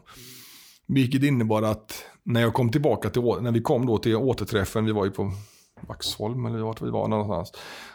Då mötte jag den här tjejen som jag hade haft kontakt med. Hon var ju där då, den här kvinnan. Och så sa hon det att bara så vet om det. Jag vet vem du är, jag vet din bakgrund, att du har varit och gått på de här intervjuerna. Men terapeuten eller psykologen som ni ska träffa på er grupp vet inte om din historia. De vet inte att du har varit där. Och du får välja själv om du vill öppna dig för gruppen. Men av tidigare erfarenhet från de andra två missionerna kunde jag känna då att de här återträffarna handlade ju, visst det var, alla, man vill ju träffas, man tog ett par öl och man ville, så många gånger handlade de här, ja men vi snackar ihop, vi liksom, alla säger att alla mår bra på, på de här fyra timmarna eller vad det var man ska sitta och ha intervjuerna. Bara för att man snabbt skulle kunna komma till puben liksom.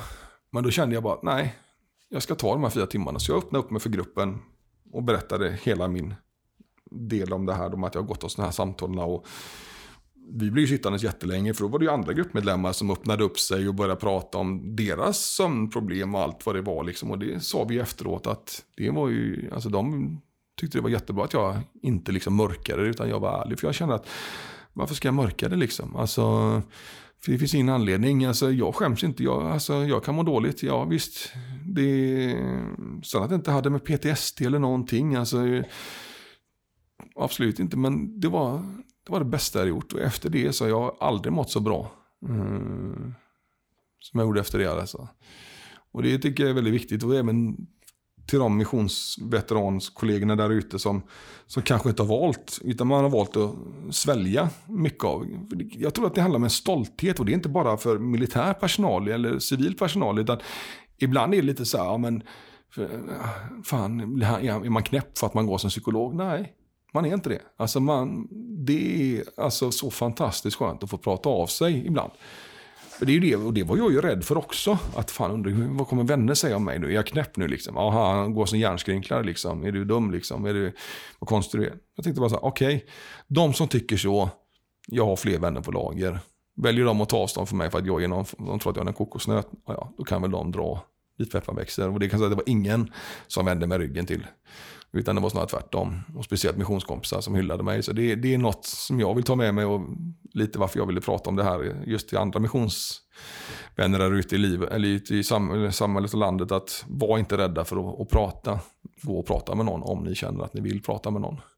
Jag, tror att, jag tror och hoppas att det är ju en, en, en kultur som har växt väldigt mycket det här med att, med att öppna upp sig gentemot att att vara lite förebyggande nästan, när man nu ska säga. Absolut. Ehm, för det kan jag även uppleva, alltså jag har ju hört liknande historier som du eh, berättar nu. Och mm.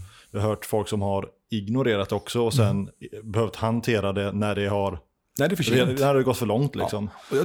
Det är tyvärr, tror jag det är, ursäkta jag avbryter, men det, det är lite macho-kulturen inom all typen av det här uniformsyrket. Att det, är lite, det ska vara lite macho.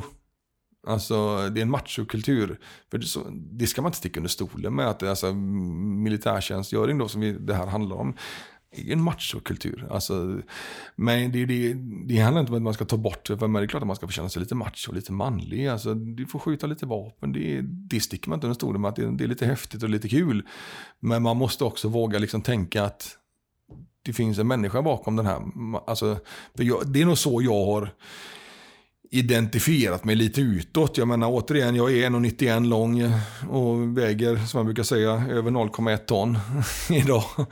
Alltså de bara, du, men du är väl inte en blödig? Jo, jag, är, alltså, jag har blivit rätt blödig av mig efter mina missioner. Men det är ju för att jag har, liksom, men jag har lärt mig det här liksom, att behandla mig själv. Och, ta tag i saker och ting. Jag har ju alltid varit sån här som har svalt grejer när jag var yngre och du vet, man har liksom kanske, ja men du vet, Även om man tyckte att fan det där var inte schysst sagt mot mig liksom. Så har man bara svalt det för att det, ah, man ska inte verka blödig liksom. Men jag har snarare vänt på det idag, liksom, att jag är tvärtom. Alltså, jag kan visa blödighet. Liksom. Alltså, och det, det, ja, ja, de får på tycka vad de vill om mig, men det är liksom det är det här att alltså, du kan må dåligt. Och det, jag tror att det är ofantligt många veteraner där ute som mår dåligt. Även för de som inte har varit med om saker och ting. För att man, man det är, alltså det är, vi är ju en familj, rent ut sagt. Alltså vi är ju en, en form av familj. Jag menar, eh, jag, menar, jag har ju mina mission, eller min missionsring på mig och jag menar, ofta man liksom, ah, har du gjort mission och så vet man kan träffas på spårvagnen eller som nu när jag börjat tillbaka på min nygamla arbetsgivare, liksom en kollega, vi satt i lunchrummet och bara, ja, ah, missionsring, jajamän. Och du vet, med en gång så gick det tugget. Vi hade inte pratat med varandra liksom. Och så snackade vi så att vi kände varandra liksom. Vissa hade varit i Makedonien, men vi hade inte ens varit på samma mission, men vet, så att det är ju liksom det här att vi är ju en familj där ute. Man, man ska ta hand om varandra liksom. Och man ska inte vara rädd för att visa att man mår dåligt. Nej, och det, och det är lite det jag hoppas den här podden bland annat eh, lyfter upp är just det här eh, att, att många kan hitta gemenskapen. Och det har jag hört att många lyssnare har hört av sig till podden och, och sagt att det, det, är så skönt att höra andras historier och liksom känna, sig, känna gemenskapen i deras historier. Fast ja, som du säger, man har inte svart.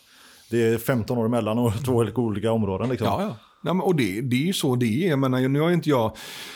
Nu har, nu har vi inte haft veteranmarsch till exempel här. Nu, jag är inte den här som springer på veteranmöten och sånt för att jag jag har inte haft tid egentligen. Jag har fullt upp med jobbet. Och lite kanske har det att göra med att jag också har släppt i civil. Alltså jag har blivit civilist. Eh, jag har inte jätte... Ja, jag har lite sporadisk kontakt med mina missionskompisar. Lite via Facebook och lite Messenger. Och man kan ringa till varandra och sådär. Men, men, men jag kanske inte springer på massa veteran. Men jag menar, jag har varit med ja, första året vi hade veteranmarschen här i Göteborg då, det var väl 2019 var väl det första året vi hade det. Sen hade vi 2020 och sen har det varit pandemi då.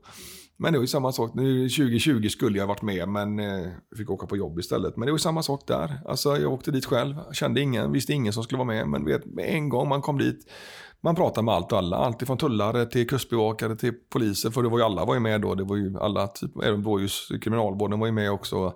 Man pratade med varandra som att man, man känner varandra liksom. Och det är ju det som är att vi är, man är ju som en enda stor familj liksom. Och det är ju därför som jag tyckte den här podden är jättebra för att alltså, få fram, alltså, det är ju så att folk frågar mig, tycker du jag ska göra lumpen, tycker du jag ska utlandstjänst? Absolut. Alltså, känner du dig stark nog, gör det. Alltså det är det bästa jag gjort i hela mitt liv. Jag ångrar inte en dag att jag gjorde en mission liksom. Jag har stortrivs och Alltså det, jag skulle nog kunna göra en massa missioner. Jag visste jag skulle bara göra en. Det blev tre liksom. Sen har jag sökt en massa däremellan liksom. Jag har sökt Liberia, jag har sökt Chad, jag har sökt Israel och jag har sökt gud vet vad liksom. Men jag har bara kommit med på de här tre. Idag har jag familj och barn. Och, så idag är det väl kanske inte aktuellt om att åka med. Men eh, det är en fantastisk, eh, underbar upplevelse. Men jag vill som sagt med sig att man ska ta med sig att man ska vara stark. Alltså man ska känna sig att man klarar av det också. För det är inte, det är inte gjort för alla. För det är en viss press att leva under de här förhållandena. Liksom, att liksom vara hemifrån, vara ifrån flickvänner, barn, morföräldrar, farföräldrar, vad det nu än kan vara. Liksom. Och sen är det så att där nere är allt, allt är jättefrid och fröjd tycker man, liksom, även om hotbilden finns där. Men du ska också komma hem sen. Och den, den, den kan jag väl tycka lite grann, nu ska inte ge någon kritik till Försvarsmakten, men det pratar man inte jättemycket om. Alltså lite grann, men jag tycker att man kan ta med sig lite. Nu har inte vi haft någon jätteveteranpolitik här i Sverige, det har väl blivit bättre nu. Eh, men, men eh, just det här att komma hem, den, den tror jag är oerhört viktig. Att man liksom har med sig själv. Att vad har jag att komma hem till? Tom lägenhet, ensamhet, har jag ett jobb? Flickvän, alltså att man tar med sig det. Och som du säger, det förebyggande syfte. Alltså sen att vi hade after action reviews efter operationer eller situationer som var hemska då med bortgången av EOD-killen på första mission. Absolut, men man behöver liksom ha det hela tiden. Alltså man måste liksom kunna ha, jag menar jag vet ju som min första mission, då hade jag ju en, jävla, jag hade en väldigt hög prestation mot mig själv. Vi hade ju nästan, det var ju jägarförband, det var ju liksom top of the top liksom. Det var bara vältränade killar liksom. Det kom jag lite halvfet och rökare och du vet, så här, fan, du vet, de sprang på gymmet fan sju dagar i veckan, två gånger om dagen liksom. Jag, Ja, jag visste var gymmet låg, men det var ju på den, det var på den nivån. Jag visste liksom vad gymmet var på campen, men jag sprang inte ner det. Och det pratade jag med min plutonchef om. Så han sa det, men fan, se det inte så, se det som tvärtom. Du har ju någonting som vi inte har. Alltså, jag tog ju med dig av en anledning liksom. Så att man ska vara oerhört stolt för det man får göra, men man ska också tänka på att det finns en sida där hemma också, liksom, när du inte är i den här gemenskapen. Vilket innebär att när du kommer hem så kan det finnas en oro. Och det är den jag vill, vill det var ju därför mycket jag hörde av mig till dig, för jag ville liksom lyfta fram det här. Liksom. Jag, menar, jag lider verkligen med våra, våra veterankollegor som har varit med om saker och ting, som verkligen har fått se den tunga baksidan och varit med om grejer. Alltså, all heder åt dem, men det finns också de som kanske inte har varit med om de här jättetunga sakerna som faktiskt också mår dåligt. Alltså, ibland kanske man pratar väldigt mycket om det här med PTSD för de som har varit med om det. Men det finns faktiskt de som också mår dåligt som inte har varit med om grejer. Som man kanske inte pratar lika mycket om. Och de tror jag också är väldigt viktiga att man tänker på de personerna också. Att det finns många där ute som jag tror mår sämre än vad de faktiskt ibland vågar erkänna för sig själva. Ja, och en, en sak som jag reflekterar över som har varit ganska intressant tanke som jag hört då från eh, Jocko Willings podcast eh, som, som, ja, som den här podden då är in, inspirerad av är ah, han har ju sin teori om att till exempel under andra världskriget då, eh, när trupperna, och, eh, ja, när det var klart liksom, när de hade vunnit, så åkte man ju hem, men det var ju via båt mm. över Atlanten då för jänkarna. Det tog ju typ tre fyra veckor. Mm. Han sa att det var en väldigt lång debriefperiod antagligen för väldigt mm. många sitta med samma gubbar som man har liksom eh, jobbat med i många mm. år och så här, och, och debriefa. Medan nu för tiden så, som han, han uttrycker det, att hoppar in i ståltub och sen så vaknar upp i, ja, hemma liksom.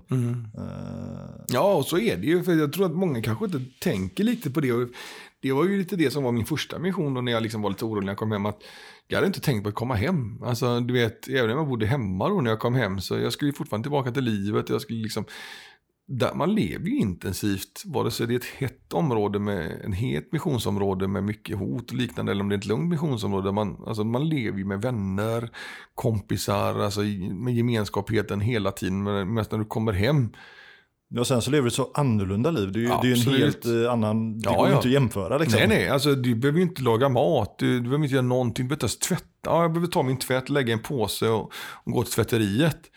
Det var det jag behövde göra liksom. Visst, nu bodde jag ju hemma så jag kunde nästan göra samma sak till morsan. Första missionen i alla fall. Sen de andra missionerna bodde jag ju själv. Men då, alltså, det är liksom, alltså, visst, det är banala, enkla saker. Men man, alltså, man tänker inte alltid på de där grejerna. Liksom, för det är, ju, alltså, det är ju så praktiskt att vara på mission. Alltså, är, du får din mat lagad, du får dina kläder tvättade, du får liksom allting. Det, jag tror det är viktigt att tänka på det, liksom, att man, man kommer hem någon gång också. Ja, och det, det, är väl någonting som vi kan sända med här nu. Till folk just att man, man kanske ska vara lite förtänksam. Eh, mm. och att Absolut. man kanske ska ta en liten eh, koll, koll gentemot sig själv där. Mm. Eh. Och sen som sagt, våga, våga erkänna för dig själv att du faktiskt kan må dåligt utan att vara en kokosnöt.